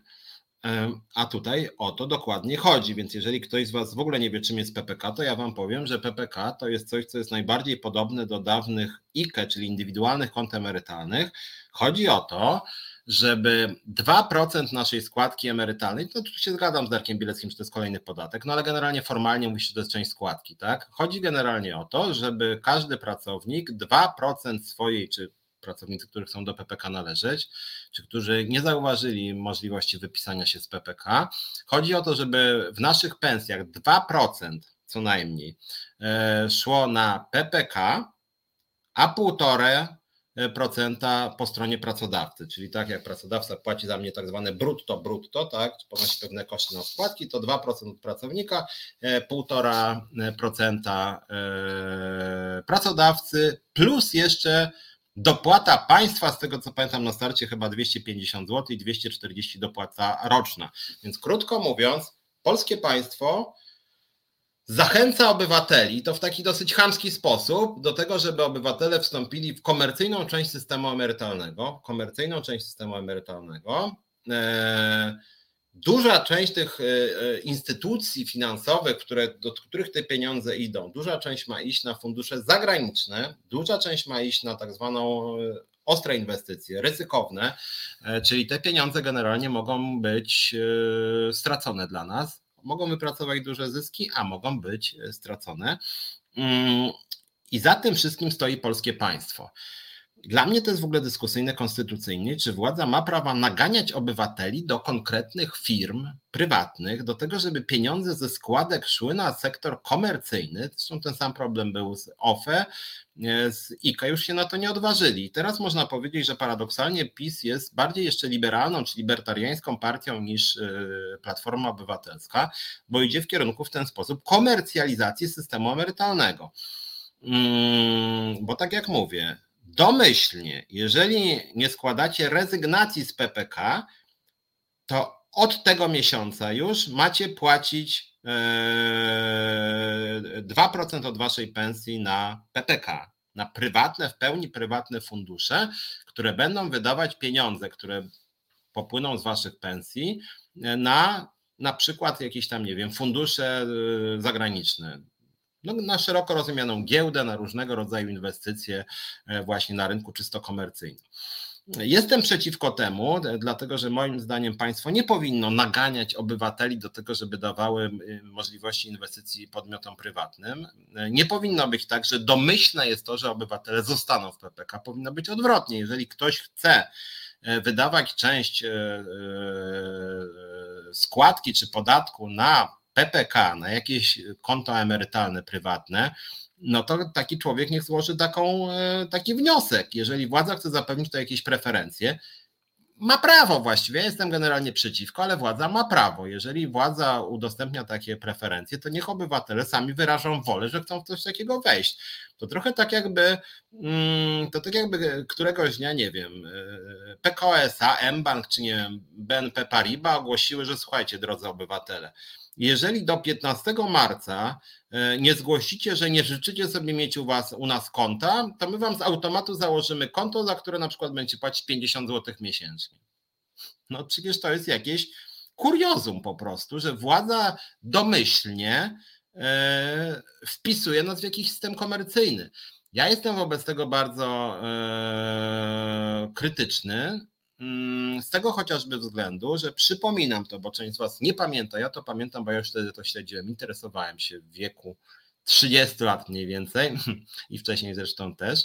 W 2008 roku, w 2008 roku, może pamiętacie, to był czas bardzo dużego kryzysu. Co prawda, wtedy tam Tusk się e, e, chwalił, że w czasach kryzysu tam mm, władza przechodzi właśnie tam, nie wiem, na, na, sucho, że tak powiem, że jesteśmy zieloną wyspą. Niemniej jednak w 2008 roku otwarte fundusze emerytalne straciły, e, o ile pamiętam, około chyba 30 miliardów złotych, znaczy nie, nie OFE straciły, tylko pieniądze, które wpłacili podatnicy, one po prostu wypadły, to znaczy wyparowały zupełnie. E, około 30%, przepraszam, spadły, e, spadła, e, spadła suma tych funduszy z OFE.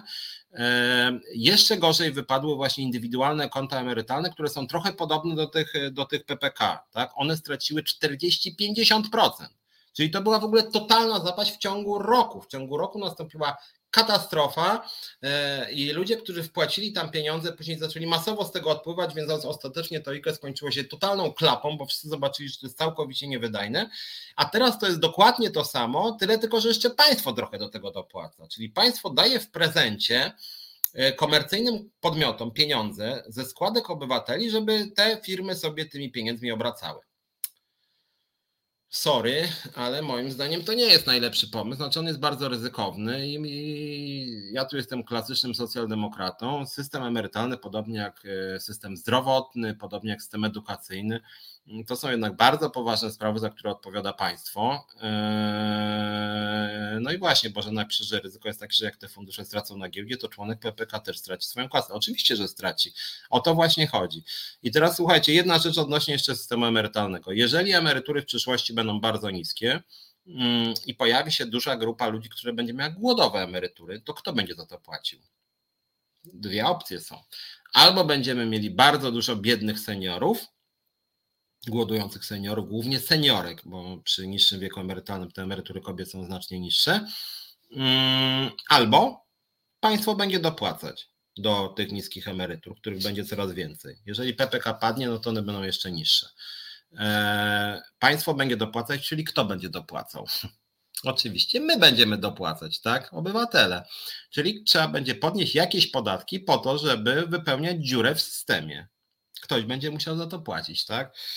No i to jest właśnie ten problem i dlatego między innymi ja jestem przeciwnikiem e, PPK. Uważam, że znacznie lepszym rozwiązaniem jest po prostu e, jednolity system oparty na Zakładzie Ubezpieczeń Społecznych. Tak, pani Gertruda Uścińska, bronię Zakładu Ubezpieczeń Społecznych to jest znacznie lepsze miejsce e, przetrzymywania pieniędzy niż jakiekolwiek fundusze prywatne ZUS jest znacznie bezpieczniejszy od, wszelkie, od wszelkich inwestycji o charakterze właśnie prywatnym, szczególnie ta gra na giełdzie jest ryzykowna po prostu. Może być zysk 40%, a może być strata 40%. I przy stracie luki wtedy wypełnia państwo, czyli my, obywatele, czyli pani Gertruda Uścińska, czyli nawet nie pani Gertruda Uścińska, czyli ZUS po prostu, tak?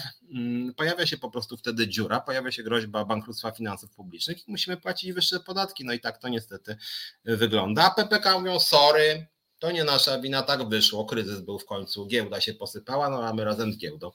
No i niestety tak to wygląda i dlatego uważam, że PPK jest niebezpieczne i nawet jeszcze na granicy prawa, by nie powiedzieć bezprawnie, jest nam wciskane de facto na siłę przez władzę, tak? Że jeżeli ja nic nie zrobię, to dostanę domyślnie e, właśnie w PPK. No z jakiej racji, kurczę, z jakiej racji mam być w systemie, w którym na przykład no tam 4 e, lata temu powiedziałem, że nie chcę i teraz jak ja nie powtórzę, że nie chcę, to mnie tam z powrotem wrzucą. No no niesamowite zupełnie swoją drogą, dziwna bardzo linia mm, argumentacji. Druga rzecz związana z systemem emerytalnym, o tym mówiłem bodaj dwa programy temu trochę. Yy, zdradzę Wam, że mam dosyć bezideowości opozycji. PiS jest partią straszną, PiS jest partią przerażającą, ja się PiSu boję, ja chcę PiS przegnać, ale sorry, no nie mogę firmować bubli prawnych opozycji. Hmm nie rozumiem tego szczerze, dlaczego opozycja na przykład e, w całości e, broni wieku emerytalnego obecnego jak niepodległości. Ostatnio Gawkowski powiedział, że nigdy, nigdy lewica się nie zgodzi na podniesienie wieku emerytalnego. Nigdy. Jak można być takim, przepraszam, idiotą, żeby mówić takie rzeczy? To znaczy nigdy. To znaczy, że co? Jest rok 2360 i tam jakiś tamtejsza lewica mówi, jak mówił towarzysz Gawkowski w 2023, lewica będzie zawsze bronić wieku emerytalnego 60 lat dla kobiet, 65 dla mężczyzn. Nawet jeżeli średnia długość życia na Ziemi wydłuży się do 160 lat. No przecież to jest kretyńskie po prostu. Znaczy, to są takie deklaracje, które prawdopodobnie jakby prywatnie pogadali z Gawkowskim, zresztą z Tuskiem to samo, bo on mówił bardzo podobne rzeczy, to powiedzieli, nie no wiadomo, że, że wiek emerytalny wkrótce, wkrótce wzrośnie, tylko wybory się zbliżają, więc nie możemy tak serio dopuszczać możliwość podniesienia wieku emerytalnego. No czyli kręcą, krótko mówiąc. Jakby się, jakbym ja miał mm, startować w wyborach, jeżeli będę startować w wyborach, to na pytanie, czy pan podniesie wiek emerytalny, uczciwa wypowiedź brzmi być może tak. A w perspektywie w miarę niedługiej, no po prostu tak, szczególnie dla kobiet. No. To jest chory system. Mówiłem o tym i pisałem też wyborczej o tym, że obecnie mamy taką kuriozalne rozwiązanie, że mamy najniższy wiek emerytalny kobiet w Unii Europejskiej, najniższy już mamy, i zarazem kobiety czeka głodowa dosłownie emerytura. W związku z tym PiS, y, głupio się uśmiechając, wprowadza rozwiązania, zgodnie z którymi wiek emerytalny pozostanie formalnie na poziomie 60 lat dla kobiet, 65 dla mężczyzn, ale realnie oni będą robić wszystko, żeby ludzie pracowali do śmierci. No przecież to jest po prostu no jakieś oszukiwanie się, jakaś nieuczciwość, czyli wiek emerytalny zostawimy na poziomie bardzo niskim, a realnie ludzie będą wszyscy pracować ponad ten wiek i, i co, i wszyscy będą głupio zachwyceni. No, to może po prostu znieść w takim razie e, ten wiek emerytalny, jeżeli on jest traktowany jako jakieś oszustwo po prostu. E, jeżeli, jeżeli e, ludzie, którzy mają grubo ponad 65 lat, pracują, pracują też ponad 70 lat, coraz więcej jest pracujących seniorów 70 plus. Coraz więcej ludzi 70 plus pracuje i pobiera emeryturę, co jest w ogóle sprzeczne z samą istotą emerytury jako takiej, która ma być nagrodą za to, że ja pracowałem całe życie. E, więc ja też pisałem w tym swoim tekście do wyborczej, że zupełnie inaczej to by było, jakby ludzi spytali na przykład, e, jaki uważasz e, pożądany wiek zakończenia kariery zawodowej? Zakończenia kariery zawodowej. W którym momencie życia chcesz przestać pracować? nie przechodzić na emeryturę, przestać pracować. Wtedy by się nagle okazało, że te granice dla kobiet i mężczyzn są na przykład 70 i 74, albo dla obydwu płci 71.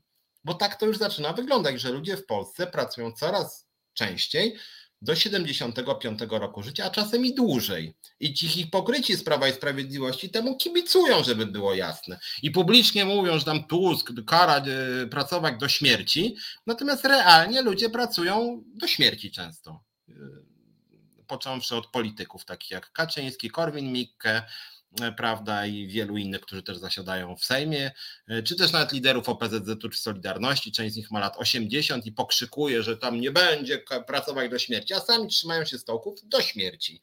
E, I to jest po prostu jakaś hipokryzja, która jest dla mnie zupełnie nieakceptowalna. Można się spierać o wiek emerytalny, natomiast nie ulega dla mnie wątpliwości, że wiek emerytalny powinien być równy dla obydwu płci, równy. No, to jest jakaś podstawa w ogóle? Jedynym argumentem na różnicowania wieku emerytalnego jest po prostu patriarchat. Kobiety mają siedzieć w domu i zajmować się dziećmi, a panowie mają pracować. To jest model Prawa i Sprawiedliwości z nieznanych mi przyczyn inne partie również to e, popierają ten model, co jest jakimś kuriozum w ogóle, bo to jest skrajnie konserwatywny model. No właśnie, Anna Kuczuk pisze, coraz więcej społeczeństwa kontynuuje aktywność zawodową po osiągnięciu wieku emerytalnego. Dokładnie, to rośnie lawinowo i co śmieszniejsze, lawinowo to rośnie zarządów Prawa i Sprawiedliwości. Tego samego Prawa i Sprawiedliwości, który ciągle mówi, nie, praca do śmierci to nie, my obniżyliśmy wiek emerytalny, po czym sami zgadzają się w kamieniach milowych, podpisują, że będą robić wszystko, aby Polacy pracowali coraz dłużej, coraz dłużej, tak? No, e, inne propozycje, bo są coraz głupsze moim zdaniem, więc może przejdę do tego newsowej propozycji. Wczoraj czy przedwczoraj Donald Tusk ogłosił pomysł 0% mm, kredytu e, mm, na mieszkanie, pierwsze mieszkanie dla osób poniżej 45 roku życia. Osobista moja reakcja mm, jest taka, że cholera jasna. PiS mi nic nie oferuje i Platforma też nie, no bo ja mam kurczę 46 lat, no. Więc jakbym chciał kupować mieszkanie na kredyt, to jakbym program wszedł dzisiaj, to jak gdybym był dwa lata młodszy, to by był może nawet i 300 czy 400 tysięcy do przodu. A tak, figę z makiem dostanę, nie? Eee, więc pierwsza moja uwaga tej propozycji Tuska jest taka, że to jest jakieś kurcze strasznie dyskryminujące. No bo dlaczego akurat 45 lat? Bo co? co cóż to za cezura jakaś 45 lat? To znaczy, jeżeli ktoś nie ma mieszkania i ma lat 50, to jest w porządku? Eee nie, nie, nie, rozumiem, szczerze powiedziawszy. Znaczy, ta cezura jest moim zdaniem otwarcie w ogóle sprzeczna z konstytucją. To jest jakieś dziwne różnicowanie ludzi ze względu na wiek. Ja jeszcze rozumiem, wprowadzić obiektywne kryterium, e, że ktoś nie ma mieszkania, tak? I powiedzmy, pierwsze mieszkanie dla wszystkich, którzy nie mają mieszkania, niech będzie państwo wspiera, tak? Ale dlaczego 45 lat? W ogóle to za jakiś wymysł? Kompletnie tego nie rozumiem i to jest jeden e, argument przeciwko, że to jest w ogóle jakaś dyskryminacja, otwarte jakieś mruganie nie do młodych, gdzie cezurą jest 45 lat akurat, zupełnie nie wiem na jakiej podstawie sobie to wymyślili, dlaczego akurat tak ma być. Mm, równie dobrze mogliby powiedzieć, że na przykład tylko osoby powyżej 1,70 m albo poniżej 1,65 m. Dziwna cezura jakaś bardzo. E, I druga uwaga, którą wskazał Oskar Oskar, że za kredyt zero wszyscy zapłacimy, e, znowuż powiem tak, nie rozumiem tej propozycji, biorąc pod uwagę narrację Koalicji Obywatelskiej, bo jest to generalnie gwarancja bankructwa państwa, y, tudzież olbrzymiego y, obłożenia podatkami ludzi 45, plus, po to, żeby opłacili mieszkania osobom 45 minus. Jest to skrajnie nieodpowiedzialne i mówię to jako socjaldemokrata, e, dlatego że jeżeli e, inflacja na przykład, no dzisiaj mamy inflację około 17%, może jeszcze wzrosnąć do blisko 20%. E, przyszłość jest, rysuje się w takich barwach średnio różowych, raczej jest ponurawo, mówiąc tak kolokwialnie. E, mieliśmy ostatnio koronawirusa, epidemię straszną, przerażającą, mamy teraz wojnę straszną, przerażającą, może być kolejna wojna, może być kolejna epidemia, mogą być zmiany sojuszy międzynarodowych, może być brak stabilności i na przykład inflacja wzrośnie do 40%. I na przykład będziemy mieli 2020 na przykład 3 inflacja 12, później 14, później 9, później 26, później 12, później 48, 16. I przy takim scenariuszu, który wcale nie jest nierealistyczny, no bo skąd możemy wiedzieć, czy, na przykład wojna się nie rozleje po świecie, który, co będzie generowało pogłębienie tendencji kryzysowych, mm, to co, to i wprowadzamy w tym momencie e, propozycję Donalda Tuska 0%, tak? 0% kredyt mieszkaniowy e, przy inflacji średniej na przykład 20-letniej 15%. No przecież państwo w ten sposób by dopłacało do jednego mieszkania kwoty idące w setki tysięcy złotych. Tak? To nie byłoby już jakby nawet 500, plus, to byłoby dużo, dużo więcej, jeżeli by była duża popularność tego programu. Mm, więc generalnie rzecz biorąc, jako społeczeństwo musielibyśmy się składać na programy kosztujące być może i 100, 100 miliardów złotych rocznie, po to, żeby również bardzo bogaci ludzie mogli sobie kupić mieszkanie, no bo e, pan Donald Tusk, jego jacyś niezbyt mądrzy doradcy, nie zdecydowali się na wprowadzenie jakiejkolwiek cezury majątkowej i powiedzieli, że po prostu jak ktoś e, nie ma mieszkania, jest młody, czyli 45 minus, no to mamy mu zagwarantować 0% kredytu. Wszystko inne płaci państwo. On powiedział państwo, nie banki, tylko państwo. Bank Gospodarstwa Krajowego, czyli Bank Państwowy, gdzie skądinąd pani Uścińska się właśnie pojawiła w Radzie Nadzorczej paręnaście dni temu. E, kuriozum jakieś, to znaczy mamy płacić bez kryterium dochodowego żadnego, że na przykład dziecko milionera będzie mogło sobie e, kupić mieszkanie za grosze przy inflacji 20% i my jako społeczeństwo mamy takiemu milionerowi dorzucić 300 tysięcy. Sorry, ale nie. Uważam, że to jest fatalny pomysł.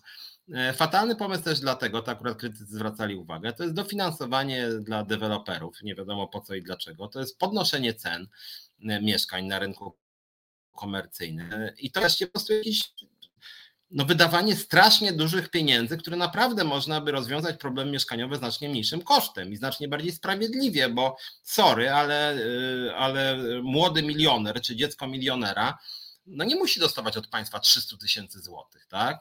A z drugiej strony są osoby po prostu bez zdolności kredytowej, które mogą sobie też pomarzyć wtedy o mieszkaniu, więc, więc dla mnie to jest e, bardzo dziwny pomysł. E, szybka metoda, państwo buduje mieszkanie, zapewnia kredyt bez oprocentowania we własnym zakresie, samo załatwia sprawę bez banków i deweloperów. No tak, znaczy moim zdaniem to w ogóle jest lepsza droga, dlatego że jeżeli prezent dla takiego y, czy pana czy pani 45 minut by wyniósł 250 tysięcy, za 250 tysięcy to w wielu częściach Polski można wybudować mieszkanie po prostu, tak? Y, więc ja tego kompletnie przyznam, nie rozumiem. No tak, Bożena też zwraca jeszcze uwagę odnośnie PPK. Słusznie, emerytury zgromadzone w PPK środku będą wypłacone domyślnie przez 10 lat, a co potem kobieta będzie żyła średnio jeszcze przez 15 lat. Tak, to też jest e, dobry argument. Oskar Oskar pisze kiełbasa wyborcza. Ja się w pełni zgadzam, do tego apeluję do polityków. Bądźcie kurcze wiarygodni, zamiast rzucacie jakąś e, kiełbasę wyborczą, która już na starcie jest stara i nie za ładnie pachnie, e, więc widać, że jest to zupełnie niewiarygodne, że jest to nieprzygotowane naprawdę, no nie, nie, nie można takich rzeczy robić, tak? Tak samo jak na przykład te 600 zł 600 zł do wynajmu. Brzmi nieźle, ale można sobie wyobrazić sytuację, że, że, nie, że, że, pary, które ze sobą są niesformalizowane, będą sobie nawzajem podnajmować mieszkania yy, i dopłacać sobie 600 zł w ten sposób. Więc w ogóle moim zdaniem, jakby to, nie wiem, czy to wymyślił jakiś Kierwiński, czy jakiś Budka, czy jakiś inny tam grabiec, czy inna ta frakcja nie za mądrych, że tak powiem, e, w platformie, ale widać, że to było na kolanie pisane. Nikt tego nie przygotował. Chodziło o przelicytowanie PiSu, który rzucił 2% mm, oprocentowania kredytów, to ci rzucili 0. No ja uważam, że to jest zła propozycja. To znaczy już pod tym względem warto byłoby iść w kierunku e, propozycji e, bardziej lewicy, która mówi tutaj o budownictwie socjalnym czy komunalnym. Tylko, że dla odmiany z lewicą jest ten problem, że oni piszą ustawy na poziomie dwunastolatków. E, to znaczy piszą ustawy w typ typu punkt pierwszy ustawy. Niniejszym zbudujemy 500 tysięcy mieszkań komunalnych i socjalnych rocznie. Punkt drugi, ustawa wchodzi z dniem jutrzejszym. Koniec ustawy. No i jakby jeżeli tak się pisze ustawy, a oni tak napisali, też mówiłem wam o tym, o posiłkach w szkołach, tak, że ja myślałem, że fajna ustawa, że chcą posiłki w szkołach, a oni wprowadzili ustawę o posiłkach w szkołach lewicy. Niniejszym zmieniamy słowo e, płatne posiłki na bezpłatne posiłki. Koniec ustawy, tak. Nic o tym, kto ma to robić, kto ma za to płacić, jak, jaki ma być e, zawartość tych posiłków, jacyś dietetycy, żeby się w to zaangażowali. Nie, po prostu zmieniamy e, płatne na bezpłatne i koniec ustawy. Tak dokładnie wygląda ustawa lewicy. No w związku z tym też no, poziom tego jest katastrofalny zupełnie. Wstyd moim zdaniem takie rzeczy e, przedstawiać. Ja też muszę Wam powiedzieć, że warto, żeby politycy byli uczciwi. Z mieszkaniami w Polsce jest tak, że nikt nie potrafi tego tematu ogarnąć, niestety. Nie potrafi przynajmniej nikt z partii parlamentarnej. Nie szukają ekspertów, rzucają jakieś populistyczne hasełka. Platforma się wyłożyła, PiS się wyłożył, więc może niech oni będą uczciwi i powiedzą: Nie znamy się na tym specjalnie. Więc y, jeżeli się nie znamy na y, rynku mieszkaniowym, to może zróbmy wszystko tak, żeby po prostu ludziom się żyło coraz lepiej i żeby ludzi było stać na mieszkania coraz bardziej. Żeby na przykład e, mieszkanie to była mniejsza liczba średnich pensji, tak, znacznie, żeby ludzie lepiej zarabiali. Ja między innymi dlatego uważam, i tego nie mówi nikt w Polsce, co mnie dziwi, również razem tego nie mówi czy lewica, żeby strategicznym celem państwa było jak chodzi o politykę wydatkową, e, żeby to było e, odbudowa e, zawodów sfery budżetowej i radykalna podwyżka pensji dla pracowników sfery budżetowej. Radykalne podwyżki pensji w całej budżetówce, na przykład o 50%, radykalne podwyżki w szkolnictwie, w ochronie zdrowia, radykalne podwyżki dla pracowników socjalnych, wprowadzenie wysokich wymagań jakościowych, konkursów, mm, I generalnie rzecz biorąc, y, y, stymulowanie wzrostu pensji przez podwyżki płac budżetówce i zarazem odbudowanie prestiżu państwa i sfery budżetowej, tak? Żeby rzeczywiście zatrudnienie w sferze budżetowej było wzorcem dla całego rynku pracy i zarazem takim obiektem aspiracji, a z drugiej strony, żeby wraz z tymi inwestycjami w pensję po prostu pracowników szła też modernizacja techniczna, usprawnienie funkcjonowania, nowe programy Poprawa oczywiście jakości usług, szczególnie mam na myśli ochronę zdrowia czy szkolnictwo, żeby ludzie nie musieli dopłacać do e, ochrony zdrowia czy e, edukacji, co się dzieje od lat, że Polacy coraz więcej dopłacają w postaci wydatków na e, prywatną ochronę zdrowia czy szkolnictwo, więc właściwie zarządów PiS postępuje tak naprawdę taka powolna nieformalna de facto, ale powolna prywatyzacja e, ochrony zdrowia, szkolnictwa czy systemu emerytalnego. W związku z tym zablokować ten system komercjalizacji po prostu przez dofinansowanie wszystkich tych strategicznych obszarów. E, I w ten sposób rzeczywiście ludzie by lepiej zarabiali, więcej pieniędzy w PKB wyszłoby na fundusz płac, stąd mój pomysł i pomysł Związkowej Alternatywy, żeby na przykład jednorazowo podnieść pensję w budżetówce o 50%, w się domagaliśmy i domagamy 60%, w PLL od 60%, e, wśród pracowników cywilnych policji 60%.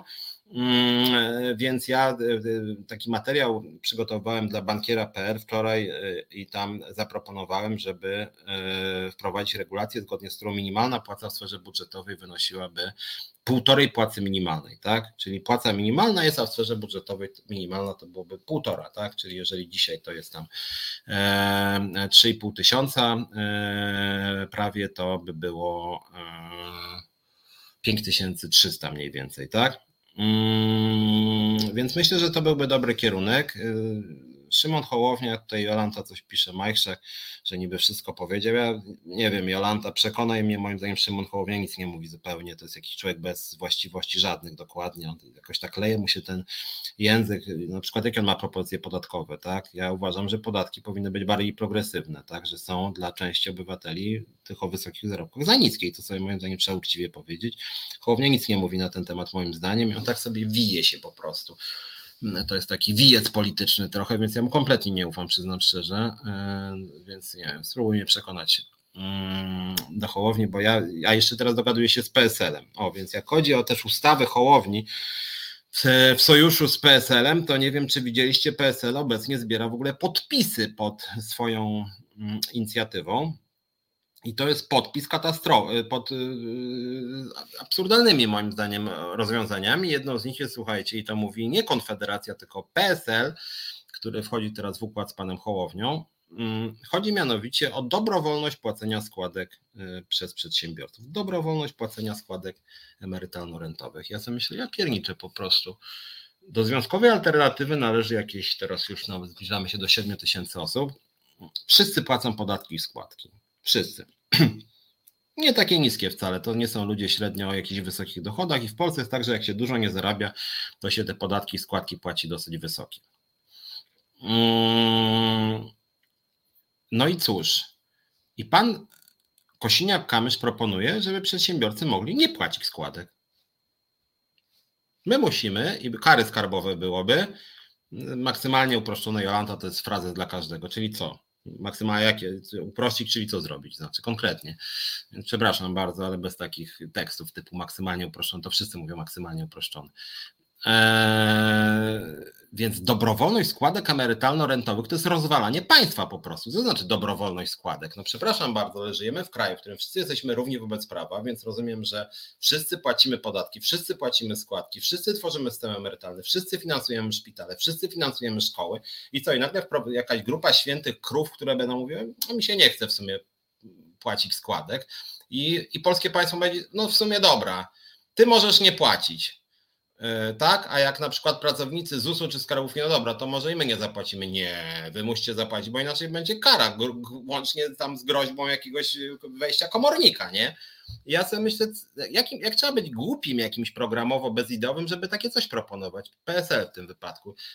I to jest po prostu jakieś nie rozumiem, dlaczego oni dostając 19 tysięcy złotych na jedno biuro poselskie, 19 tysięcy na biuro, ja nie mówię o pensji posła, która wynosi brutto jakieś 16 z tego co pamiętam, plus 19 na biuro, oni mają więcej niż cała nasza centrala związkowa alternatywa i, przy, i, i, takie buble jak Tusk z tym 0% kredytu na mieszkanie dla wymyślił sobie 45 minus, czy PSL czy PSL, właśnie ta dobrowolna składka emerytalno-rentowa, coś jakieś w ogóle totalnie absurdalnego i moim zdaniem niekonstytucyjnego, rozwalającego państwo, szkodliwego dla państwa, pomysł godny po prostu Korwin-Mikkego i Mencena, więc jakaś żenada. Eee, no i wreszcie, żeby jeszcze uzupełnić te wspaniałe pomysły opozycji, e, propozycja, o której dwa zdania tu mówiłem, czyli lewica, e, lewicy propozycja, pod którą zbierają podpisy, ustawa o rencie wdowiej. To tak na marginesie, nie wiem czy wiecie, dokładnie taką samą ustawę promuje PSL, bo oni tam mają zbitkę, tak?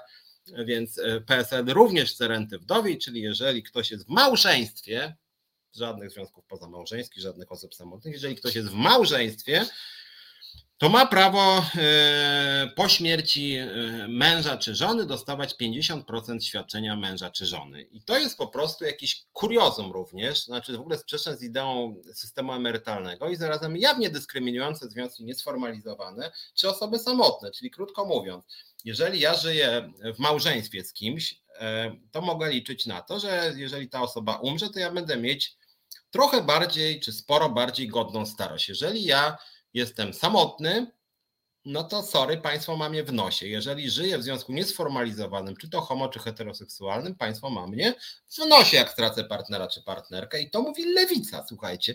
To jest po prostu jakiś jedyny kraj na świecie, Polska chyba, w którym siła, która ma się za progresywną, broni rozwiązań, których by nie powstydził się papież Jan Paweł II, czy Franciszek, czy Jarosław Kaczyński. I jeszcze i, i, dokładnie to samo zbiera lewica i w tym partia Razem, która twierdzi, że jest taka postępowa, jak ultrakonserwatywne Polskie Stronnictwo Ludowe, które zawsze mówiło, że tylko prawdziwa rodzina, chłopak i dziewczyna w małżeństwie. Mm, ja jeszcze proponuję w ogóle, żeby ta renta wdowia to była 100% jak dziecko się urodzi. To byłoby jeszcze lepsze, jakby oni poszli w tym kierunku. Więc, więc jakiś kolejny bubel prawny totalny, więc e, zamiast wprowadzać rozwiązania, żeby wszyscy seniorzy, wszyscy seniorzy, niezależnie od tego, czy są w małżeństwach, w związkach niesformalizowanych, czy są samotni, żeby na przykład e, e, z wiekiem, czy z pogarszającym się stanem zdrowia dostawali jakieś dodatkowe świadczenia, a przede wszystkim, żeby państwo się bardziej o nich troszczyło, żeby była opieka senioralna rozbudowana, żeby, żeby, żeby, żeby, żeby, żeby państwo ich wspierało, socjalizowało ich, dawało im możliwości samorealizacji na stare lata, e, to ci po prostu się skupiają po to, żeby, mm, żeby małżeństwa były dowartościowane. Że jak ktoś z małżeństwa umiera, to druga połówka, że tak powiem, coś dostanie. A jak ktoś żyje w związku niesformalizowanym albo jest samotny, to mu lewica proponuje z PSL-em figę z. I to jest, ja, znaczy ja po prostu tego kompletnie nie rozumiem. Jak można takie buble przedstawiać prawne? Jak można się nazywać lewicą i coś takiego y, proponować? Uważam, że to jest generalnie rzecz biorąc po prostu y, wstyd. E, że lewica coś takiego e, przygotowuje i nie wiem, jak tak dalej pójdzie, to chyba cała opozycja to poprze, bo już mam takie przecieki, że to wszyscy będą w ogóle wspierać i wszyscy przegłosują, a w końcu PiS ich pobije, bo PiS powie, że da jeszcze więcej, tak, i wszystkich zamuruje i okaże się, że... I wcale się nie dziwię, bo to jest konserwatywna polityka społeczna. Właśnie, jeszcze Maria Mrozek, jeszcze 500 plus dla małżeństw z długim stażem, też proponuję, że część właśnie dyduch poprze e, z Czarzastym, poprze jakiś tam Kierwiński, Kosiniak-Kamysz, Hołownia też i w ogóle i cały polski Sejm zagłosuje za. Będzie 448 będzie za, 8 się wstrzyma, a czterech nie będzie na sali. Tak to będzie też. Więc to jest moim zdaniem mm, bardzo dziwne i bardzo źle przygotowane przede wszystkim rozwiązanie. Y, y, myślę, że lewica powinna iść dokładnie odwrotnym kierunku, czyli przygotowywać rozwiązania, niezależne od yy, sytuacji rodzinnej. Niezależne. Kiedyś o tym mówiłem, nazywając to defamilizacją. Część osób nie lubi terminu defamilizacja. mi się akurat podoba, no ale generalnie chodzi o to, żeby ludzie mieli prawo do godnego życia, niezależnie od tego, czy są w związku małżeńskim, niezależnie od tego, czy mają partnera, partnerkę, e, czy mają dzieci, czy nie mają tych dzieci, czy mają rodziców, czy nie mają rodziców. Każdy człowiek powinien być traktowany jako jednostka po prostu. I i dziwię się trochę właśnie, że opozycja tego nie rozumie, czy nie chce rozumieć, czy w ogóle po prostu nie chce iść w tym kierunku, tak? E, część osób do mnie mm, mówi, apeluje, nie wiem co o tym sądzicie, że właśnie warto się, że opozycja powinna się jednoczyć, nie? Ja wam muszę powiedzieć, że ja nie chcę się z tą opozycją jednoczyć. No sorry, no możecie mi powiedzieć, że ja rozbijam jedność opozycji, tam od razu tam straszą ci politycy niektórzy, że jak ktoś się nie jednoczy, to pracuje na rzecz PiSu. No dlaczego ja mam podpisywać się pod rozwiązaniami, które są głupie po prostu, tak? I to i lewicy, i PO, i PSL, i Hołowni głupie są, są nie, niesłuszne, nie zgadzam się z nimi głęboko, tak? Mm, więc ja na razie listy wyborczej nie przedstawiam, ale jeżeli bym się interesował polityką, to, to raczej bym własny niż e, iść razem z Hołownią, Tuskiem i Czarzastym, czy Kośniakiem Kamyszem, bo ich propozycje są po prostu e, błędne, są niekonsekwentne, są niewiarygodne i tak na marginesie PiS częściowo ma rację, kiedy, kiedy mówi, że, że to brzmi niewiarygodnie, bo tak naprawdę, jeżeli byście prywatnie pogadali, czy nawet tak półprywatnie, mm, ze wszystkimi tymi politykami opozycji, to byście powiedzieli na przykład do nich, no dobra, no to tak naprawdę to wy na serio chcecie, żeby ten wiek emerytalny już na zawsze pozostał tak 60-65, czy to jest słuszne? to, to Gawkowski, a nie co ty Piotrek, daj spokój, oczywiście, że nie, no. Tylko musimy teraz tak mówić, bo wiesz, wybory, ale tak w ogóle to tam, to ja bym podwyższył i do 70 powiedział jakiś Gawkowski, czy tam Kierwiński, czy inny, tak? Albo, albo jeszcze lepiej, bo powiedział jakiś Kierwiński, powiedział, tak, zaraz, ja mam powiedzieć, co ja tak naprawdę sądzę, a co to ma za Ja nie wiem, co ja sądzę, ja nic nie sądzę, ja tylko patrzę na sondaże tutaj, co, co w nich słychać, a ja, czy ja sam coś sądzę, wiesz, nigdy się nad tym nie zastanawiałem, jaki tak naprawdę powinien być wiek emerytalny. E, I to jest chyba problem też, że, e, że po tej dużej części polityków opozycji widać, że oni są naprawdę totalnie bezideowi, totalnie bezideowi. Tak widać i to, że już są ogłaszane jakieś e, pakty senackie, że już po prostu tam kłócą się między sobą bardzo ostro, czy ma startować tam Hołownia z PSL-em, Lewica z PO, a może bez PO, a może PO z Hołownią, a może Hołownia z Czarzastym no to to jest jakiś dramat. No w ogóle co, co to kogo obchodzi? Tak? Jest 8 miesięcy do wyboru, w ogóle te partie mogą przepaść w międzyczasie i w ogóle mogą się nie dostać, czego w sumie coraz bardziej im życzę, żeby w ogóle ta scena polityczna jakoś została zmieciona i zastąpiona czym innym. A oni po prostu się kłócą demonstracyjnie o stołki, więc więc ja tego szczerze powiedziawszy nie rozumiem, uważam, to jest bardzo głupie e, po prostu e, PR-owo. No więc to taka moja opinia na temat tego, co się dzieje na scenie politycznej. Maria Mrozek, ciekawe jaka będzie propozycja dla osób jak moja matka, która ma 1300 emerytury do całej jej dochód i nadal pracować musi, bo jak żyć za to. Znaczy ja właśnie o tym Maria mówiłem, że mm, że różne dane, które potwierdziła pani Uścińska, gdyby nie to, że jest obecnie żołnierzem pisowskim, pokazują, że w perspektywie już nawet nie 30-40 lat, tylko w perspektywie 10 lat y, bardzo wiele kobiet czeka głodowa emerytura. Przede wszystkim kobiet z racji bardzo niskiego wieku emerytalnego. I każda kobieta, czy prawie każda poza tymi o najwyższych dochodach, prawie każda kobieta przechodząca na emeryturę wieku 60 lat będzie ją czekać głodowa emerytura i im dłużej będą ludzie żyć, a moim zdaniem jednak będą dłużej żyć, bo to jest trend też międzynarodowy i wraz też z jakąś troską o środowisko, mam nadzieję, że Polska też będzie dbać o środowisko, ludzie będą dłużej żyć, tym niższe będą świadczenia emerytalne, bo świadczenia emerytalne w polskim systemie są tak liczone, że liczy się liczba składek, e, która jest e, odnoszona do przewidywanej średniej długości życia. W związku z tym, jak kobiety przechodzą w wieku 60 lat, a wiek emerytalny, a realny długość życia wzrasta, no to mamy bardzo długi czas przewidywany między przejściem na wieku emerytalny a średnią długością życia, więc krótko mówiąc, emerytury czekają głodowe. Im dłużej kobiety będą żyć, tym bardziej głodowe emerytury będą je czekały, więc to jest jakiś dramat po prostu. I to jest po prostu przepaść i każdy, kto mówi, że tak, już nigdy tego wieku emerytalnego nie ruszajmy, jest jakimś szkodnikiem, kłamcą, który źle po prostu życzy kobietom. Mm, natomiast jeżeli wszyscy są świadomi tego, że rzeczywiście wiek emerytalny jest fikcją y, i nie chodzi o to, żeby wiek emerytalny obniżyć, podwyższyć czy zostawić, tylko chodzi o to, żeby realnie wydłużyć wiek emerytalny, e, e, realnie wydłużyć okres e, pracy, no to w takim razie powiedzmy sobie uczciwie, zróbmy wszystko, żeby ludzie dłużej pracowali. I dajmy sobie w ogóle spokój z tym ustawowym wiekiem emerytalnym w takim razie tak, bo to jest jakaś ściema już totalna. Bożena słusznie zwraca uwagę, urlopy macierzyńskie też obniżają kobietom emeryturę, bo nie płacą składek w tym czasie. Mm, no teraz też wchodzą te urlopy ojcowskie, no niestety PiS niby uległ e, Komisji Europejskiej e, i zgodził się na to właśnie, żeby również były te urlopy tacierzyńskie, ale niestety PiS no musiał coś dodać od siebie, więc dodał, że mężczyźni będą mieli niższą niż kobiety stopę zatrudnienia, co będzie sprawiało, jak pójdą na urlop tacierzyński, co będzie sprawiało, że 70% tylko kobiety, 81,5 o ile pamiętam, co będzie sprawiało, że po prostu mężczyznom nie będzie się opłacało iść na urlop tacierzyński, nie będą z niego korzystać, tak, chociaż jest niewymienialny, tak, więc to jest po prostu bezsensowne. Waldemar Wysokiński, jutro mam rezonans magnetyczny 520 zł, potem konsultacja ortopedy 270, więc na cholerę mi płaci skład i chcę mieć dowolność. Waldemar, no sorry, ale nie bądź jak Korwin Mikke, naprawdę. Eee, najcięższe schorzenia, do mnie ostatnio dzwonił bodaj LuxMed, do mnie czasem dzwonią te różne komercyjne firmy mm, i one przedstawiają pakiety, które czasem nawet nie są jakieś bardzo drogie, tak?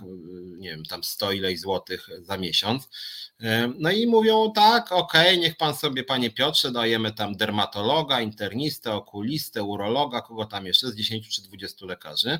Plus mówią, Waldemarze, e, tam nie wiem, 40 badań specjalistycznych i 50 zabiegów. I problem polega na tym, że te zabiegi, te badania, to w nich jest między innymi badanie ciśnienia, badanie tętna, jeszcze szkoda, żeby nie dodali badania temperatury.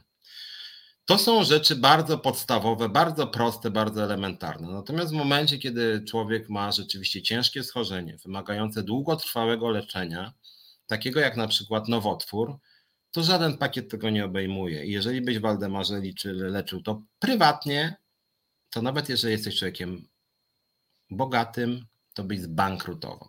I oczywiście źle się dzieje, że e, często publicznie trzeba czekać długo i ludzie przez to długość życia w Polsce jest niższa niż w wielu krajach zachodnich. E, I rzeczywiście na przykład onkologia no, cały czas jest w słabej kondycji. No ale z drugiej strony, gdyby nie ta publiczna onkologia, to ludzie by umierali w cierpieniach bez żadnej pomocy, bo nikogo nie byłoby stać na prywatną ochronę zdrowia.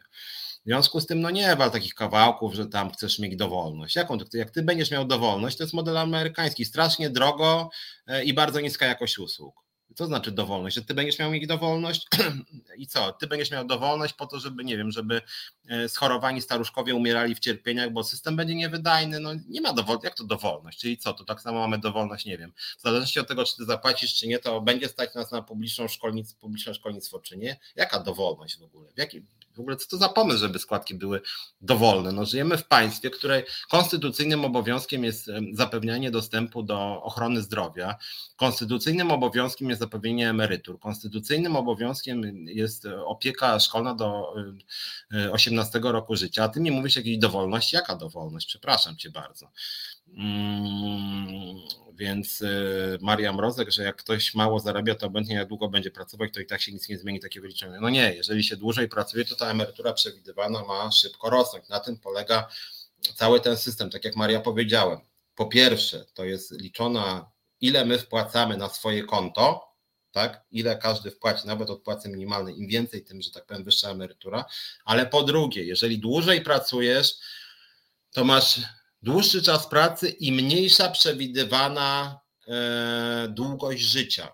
W związku z tym to, co dostałaś, jest proporcjonalnie liczone na mniejszą liczbę lat, które ci zostały do śmierci, mówiąc wprost.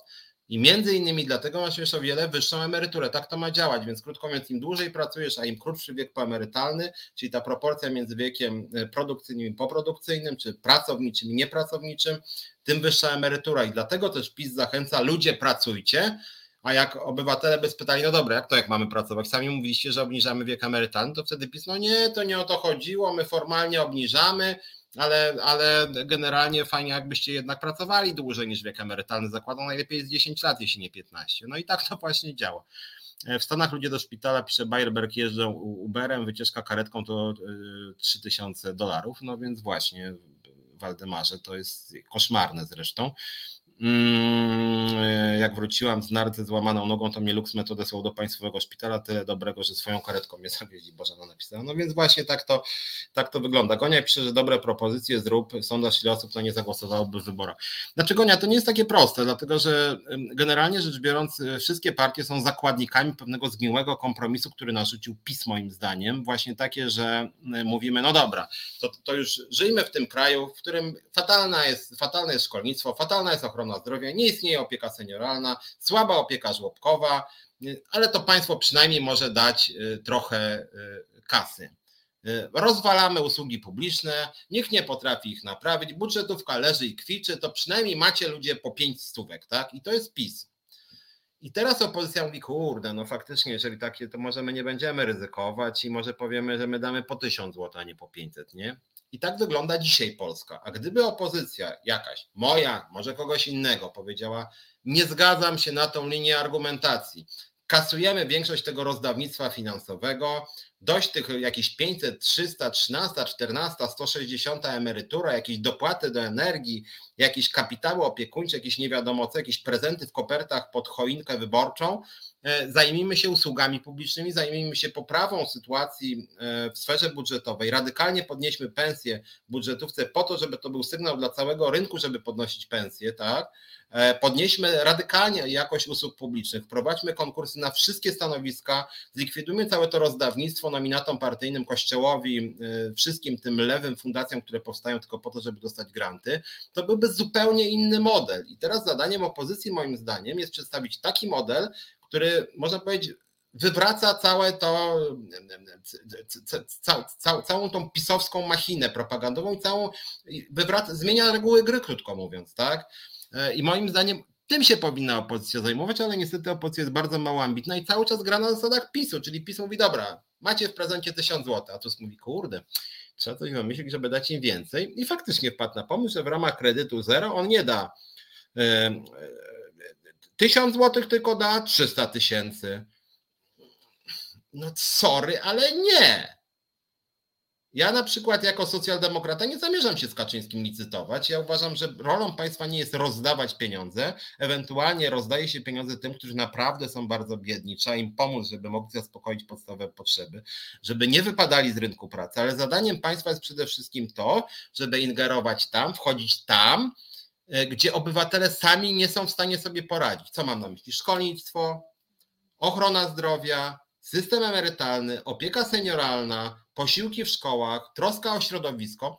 To są te obszary, transport publiczny, to są te obszary, w których jednostki same nie są w stanie, że tak powiem, rozwiązać problemów lepiej niż państwo. Tu musi wejść państwo, ponieważ chodzi o zbiorowe interesy. Zbiorowe interesy i przy okazji, na przykład, jak chodzi o ochronę zdrowia, jeżeli państwo zajmuje się ochroną zdrowia na masową skalę, to jest nawet argument pragmatyczny. To wtedy po prostu wydatki są tańsze, bo ten efekt skali jest. Są niższe koszty obsługi w publicznej ochronie zdrowia zawsze niż we wszelkich luksmedach, z tego względu, że nawet jest efekt skali po prostu. Koszty obsługi są mniejsze, ponieważ efekt skali, jeżeli to dotyczy 38 milionów obywateli, to znacznie niższe są koszty obsługi niż jeżeli, e, jeżeli nie wiem, luksmed ma, nie wiem, tam nie wiem, 100 tysięcy czy 300, czyli on tam ma tych obywateli, tak? Plus jednak w tych komercyjnych systemach chodzi o zysk, a w leczeniu nowotworów czy w szkolnictwie o zysk nie powinno chodzić, tylko z jednej strony o zdrowie obywateli, a z drugiej strony o wykształcenie wiedzy obywateli. Więc warto moim zdaniem o tym pamiętać. No, konkludując, ja jestem związkową alternatywą. Ja zachęcam wszystkich, żeby wstępowali do związkowej alternatywy, a do opozycji apeluję, żeby się wzięła do roboty i dbała o wszystkich obywateli, a nie licytowała się z pisem, kto tam rozda jakie pieniądze jakiemuś wycinkowi społeczeństwa. Mi się to nie podoba. Ja od opozycji oczekuję, żeby przedstawiała alternatywy, tak jak my staramy się jako związek przedstawiać alternatywy. Dobra, słuchajcie, musimy, musimy kończyć, bo 18.55 y, wybija, więc bardzo, bardzo Wam dziękuję za dzisiejszy program. Widzimy się i słyszymy za tydzień, a w piątek z Krzyżaniakiem sobie podsumujemy mm, mijający tydzień. Bardzo Wam dziękuję. Na razie.